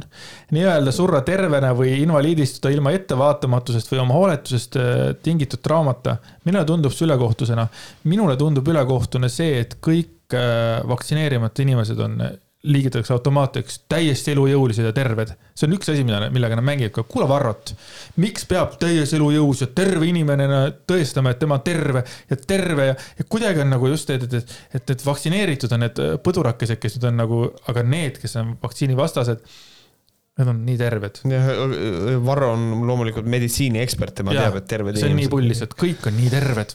jah, Male jätkab, kas see pole tapmine? inimene tapeti ühe õnnetu süstiga, nagu eutanaasia, ainult et see pandi toime terve inimese kallale ilma tema teadliku soovita surra. Siis see ei ole eutanaasia. kuidas see on eutanaasia? nagu eutanaasia, ainult et see ei ole. ma olen nagu, ma olen nagu Märt, aga ma ei ole Märt. No siis ma ei olegi Märt. ei noh, jala käimine, see on nagu autoga käimine, ainult et autot ei ole ja, ja siis noh, põhimõtteliselt niisugune loogika. kas see pole tapmine, inimene tapeti ühe õnnetusüstiga, noh, see, noh, see on see, et ta arvab oma peas, et see on mürgisüst, that's it, ma ei tea. jah, Jah, jah, nagu see- eutanaasia too. just. juhul, kui inimene haigestub koroonasse, satub ta haiglasse ja teda ei õnnestu ravida ning ta sureb, siis ta sureb haigena, mitte tervena. Tal on väga paha olla, ta kannatab ja surm vabastab ta kannatusest, tuleb talle kergendusena, mitte ootamatu vägivaldse mõrvarina. selline, selline, ma ütlen sellist juttu, mine räägi inimesele, kes on kaotanud kellegi väga lähedase inimese ja siis ütled talle, et oh, ei ole hullu, tal oli väga paha olla, ta väga kannatas jah, enam ei kannata. ja suri ära, et oli kaks nädalat oli mingi kannatuste all, aga nüüd ta suri ära, nüüd on ju hea ju. täiesti perse sellest, sellest ajab mind nii, nii tigedaks, et meditsiin ei ole kõikvõimas. Seega ei tohi ta olla ka viimseni enesekindel. meditsiin ei tohi tarvitada vägivalda, kui pole just tegemist ühiskonna ohtliku elemendiga. mis on siis äh, kahekümne viie aastane naine, kellel ole lapsi või kahekümne seitsme. just, aus, päris hea, fucking hea. vaktsiinis kahtlejad ei ole ühiskonna ohtlik element. vastupidi, nad on vastutustundlikumad kui vaktsineeritud. näed, nüüd ta ise loobib jälle seda, et keegi ei tule halvustama vaktsineerituid ja ütleb seda, et on vastutustundlikumad kui vaktsineeritud. Nad ei veereta oma isiklikku vastutust mingile imerohule. Nad on ettevaatlikud ja püüavad teha kõik, et haigust vältida ja sellest hoiduda ja hoida ja kaitsta nii oma lähedasi kui ka teisi kaasinimesi kas mitte need vaktsineerimata inimesed ei ole need, kes ei taha ka käsi puhastada ja, ja maski kanda ja nad on ettevaatlikud ja püüavad teha kõik, et haigust vältida ja sellest hoiduda. kas nüüd ta siis vihjab sellele, et äh, vaktsiini äh, vastane inimene toitub teadlikult, liigub teadlikult värskes õhus ja nii edasi, aga vaktsineeritud inimene, need on need paksud värdjad, vaata kunagi Varro võnitas mingisugust peaministrit kuskil, kus oli suur mingit nõunikku mõnitas jah, et ülekaaluline ja mingi see. et äh, ma, ma kuidagi nagu tahaksin nagu istuda näiteks, näiteks Malle Pärnaga nagu ja päriselt küsida, et rää- räägiks mulle tervislikust toitumisest. lihtsalt, et ta ta räägiks mulle tervislikust toitumisest ja sellest liikumisest ja kõigest sellest, nagu kui terve ta näiteks on, et, et kuidas Jaa, ta, kuidas ta on nii just. terveks jäänud ja et see oleks nagu huvitav teada. no ikka kuulad oma keha ja, ja ka keha harjub asjadega, et keha küsibki ühel hetkel sul hamburgerit, kui ta on harjunud seda saama. ei no siis kuulad oma keha. ma ei kujuta ette, kuidas see asi võib välja näha. kui inimene vabatahtlikult nõustub ennast süstida laskma, siis see on tema vastutusel. aga kui poliitika või meditsiinisüsteem sunnib inimest vaktsineerima ja ta sureb, siis on see mõrv. Mitte küll tahtlik loomulikult, aga siiski on see mõrv teadmatusest, hooletusest, üleolevast suhtumisest inimese enda tahtesse ja sisetundesse, vägivaldsest allutamisest valitsevale usudogmale või poliitilisele ideoloogiale. on nii või? mul tekkis, Malle Pärn on väga tugev, tema jaoks on eesti keele õigesti kasutamine hästi oluline, ma korra vaatan, mida tähendab mõrv. mõrv on tahtlik tapmine. Sõnaraamat ütleb, et mõrva, et tegu on tahtliku tapmisega ja ta ei saa seda nimetada mõrvaks ja siis öelda, et loomulikult äh, äh, mitte küll tahtlik. aga siiski on see mõrv, no siis ei ole ju see ei ole mõrv siis, mõrv on tahtlik tapmine. tahtmatu tapmine siis ei ole mõrv või? Kui ma kogemata maha löön, siis ma ei ole see ei ole, see ei ole mõrv minu teada. muidugi siin on võib-olla see ka, et selle võib-olla kuidagi veel juriidikas on, on, on sellel mingi oma eh, oma termin, aga tegelikult on eh, tapmine on eraldi, mõrv ja tapmine ei ole sama asi minu, minu teada. okei okay. et mõrv on see, et see peab tahtlik olema ma olen, ma olen ikka arvas, arvanud tegelikult, et ka need kogemata tapmised on ikkagi mõrvad. Kui ma kogemata löön oma naisele kurikaga pähe. kui ma kogemata löön äh,. vot tegelikult meil on olemas inimesed, kes jagavad juriidikat. Te võite kirjutada. võhkerid.gmail.com. jah, et küll aga siin koha peal üks asi on juriidika, teine asi on sõnaraamat. sõnaraamat ütleb, et mõrv on tahtlik tapmine, aga noh, see, see selleks, vaatame mm -hmm.. võhkerid.gmail.com, õ on kuus, nagu meeldib Andresele öelda jah, see on minu inimlik loogiline mõttekäik, mitte kellegi tahtlik halvustamine ega lamemaalaste õigustamine. kuigi ta juba ütles, et ühed on vastutustundlikumad kui teised ja davai. inimlik loogiline mõttekäik ja siis ta jälle ütles kolmas kord lamemaalased või neljas kord. miks, ma ei tea. ja siis on veel see lõpp, vabandan ette, et kui mu loogika ja mõttekäip on ekslik ja rumal ja ootan siiralt kui mu loogika ja mõttekäik on ekslik ja rumal ja ootan siiralt argumente, millega mu rumalus paljastatakse, olen alati meelsasti valmis äh, vaimseks arenemiseks äh,. vabandus, vabandus, vastu võetud. väga, see on väga hea, et selles mõttes võib-olla sa tarbid ka informatsiooni väljaspool oma infovälja, et natukene sa nagu loe teadusuuringuid ja asju ka nagu, mis, mis, mis räägivad ka vastupidiseid asju ja vaata, hari, vaata, kas võib-olla hakkab koitma vaikselt enne, enne surma võib-olla tuleb mõistus koju on Koit äh,. aga president Kaljulaid kuulutas, et Eesti Vabariigis on sõna vaba ja ma kasutan tema kaitse all universaalset inimõigust, mida nimetatakse sõnavabaduseks. miks seda üldse vaja on siia? see on nii nõme oli see lõpp nagu. ma ei saa aru, miks seda siia vaja on nii, nüüd on selline tunne, nagu oleks nelikümmend viis minutit äh, on poti peal kõht kinni, oleks üritanud sittuda peale seda artiklit, täpselt niisugune tunne on. ega ma armastan neid artikleid päriselt ka, sest et sellised artiklid panevad eriti nagu, nagu selle elu mõtte üle nagu vaagima. jaa, tegelikult küll, et noh, ikkagi kuulajad saavad aru, et kurat, kurat mul on ikka päris hea haridus raisk niisugune moment. aga äh, suur tänu teile, kallid äh, kuulajad äh,, vaatajad, et, et te olete meiega, kes veel ei tea, siis meil on olemas ka Patreon. Patreon on, tähendab siis seda, et teil on võimalus väikse ja ei, see on okei okay, asi, mida öelda, et maksumüüridega ma millegipärast hakkasin pelgama seda sõna, aga ei, see. saate meile coin'i visata, öeldakse ka. ja saate saate meile coin'i visata ja siis saate ligipääsu lisasaadetele, mis meil on. Äh, kui keegi ei tea, mis asi, mida endast lisasaade ette kujutab, siis tegelikult äh, need on põhimõtteliselt samasugused saated äh, nagu need, lihtsalt rohkem sisu. nagu mida, mida tarbida. suur tänu kõikidele Patreonidele, et te olete, Patreonidele, et olete olemas. täname teid väga. Teil on valida kolme leveli vahel, ühe euroga saate te meid lihtsalt toetada näidata, et olete olemas, me näeme seda, oleme igavesed igavesti tänulikud. just, aga, aga, aga teilt ei lisasaadet ei saa, aga just. see on ka meie jaoks sõnum, et kõik, mis te teete, on hästi juba toetanud, aga ma ei kannata rohkem siis on viieeurone võimalus meid toetada, seal te saate juba lisasaate ja nii videos kui pildis, kuidas teile meeldib äh, olla ja postitame ka sinna lihtsalt vahepeal mingisuguseid, äh, mingisuguseid asju, eks te näete seda. Dank memes, ei, tegelikult, tegelikult ei. Äh, et eks te näete seda, kui te seal olete ja kui te olete nagu tõeliselt suured fännid, nagu suured fännid, kes tahavad meid toetada kümne euroga kuus, siis äh, nendel on veel sissepääs ka meie dokumenti, mida me siin ilusasti täidame ja, ja, ja loeme ette ja siis te olete kogu aeg kursis sellega, mis asju me parasjagu sinna kirjutame mm. -hmm. Mulle see on nendele inimestele, kes on see, et huvitav, kui keegi küsib, et, äh, et huvitav, millest Võhkarid järgmine nädal räägivad, siis äh, viimasel tasemel ehk siis legevõhkar saab öelda, ma tean. jah, ma ammu tean juba, kõike tean. ma ammu tean, mis nad räägivad. ja siis üks äh, üks härrasmees kirjutas mulle, et ta ei pidanud vastu enam, et ta ikka, ikka uudiseid mu tappis ära ja ta pidi liikuma viie pealt kümne peale, onju. Mhm. ja siis ta küsis mu käest, et aga kui mul on mõnikord mingisugune noh, mingi, mingi mõte või teadmine millegi kohta, mis seal dokumendis on, kas ma võin teile kirjutada? ma ütlesin muidugi, pane aga, mis mhm. tähendab tegelikult on selline võimalus äh, Lege Võhkaritel, et te saate osaleda isegi saates, enne kui saade on tegelikult tulnud, te näete ära, et ahah see teema on ja ja teil võib olla juba tegelikult mingisugune mõte, mida sellega nagu noh, mida lisada sinna mm. -hmm. Jah. sellesse, et see on, see on päris äge eh, enne saates osaleda, kui saade hakkab. jah, see on sihuke põnev, aga taaskord äh, suur tänu kõikidele kuulajatele, oleme teie juures varsti ja egas, ega, egas midagi. järgmine esmaspäev eh, Patreonis. teeme nii. jah, Tšau. tšau.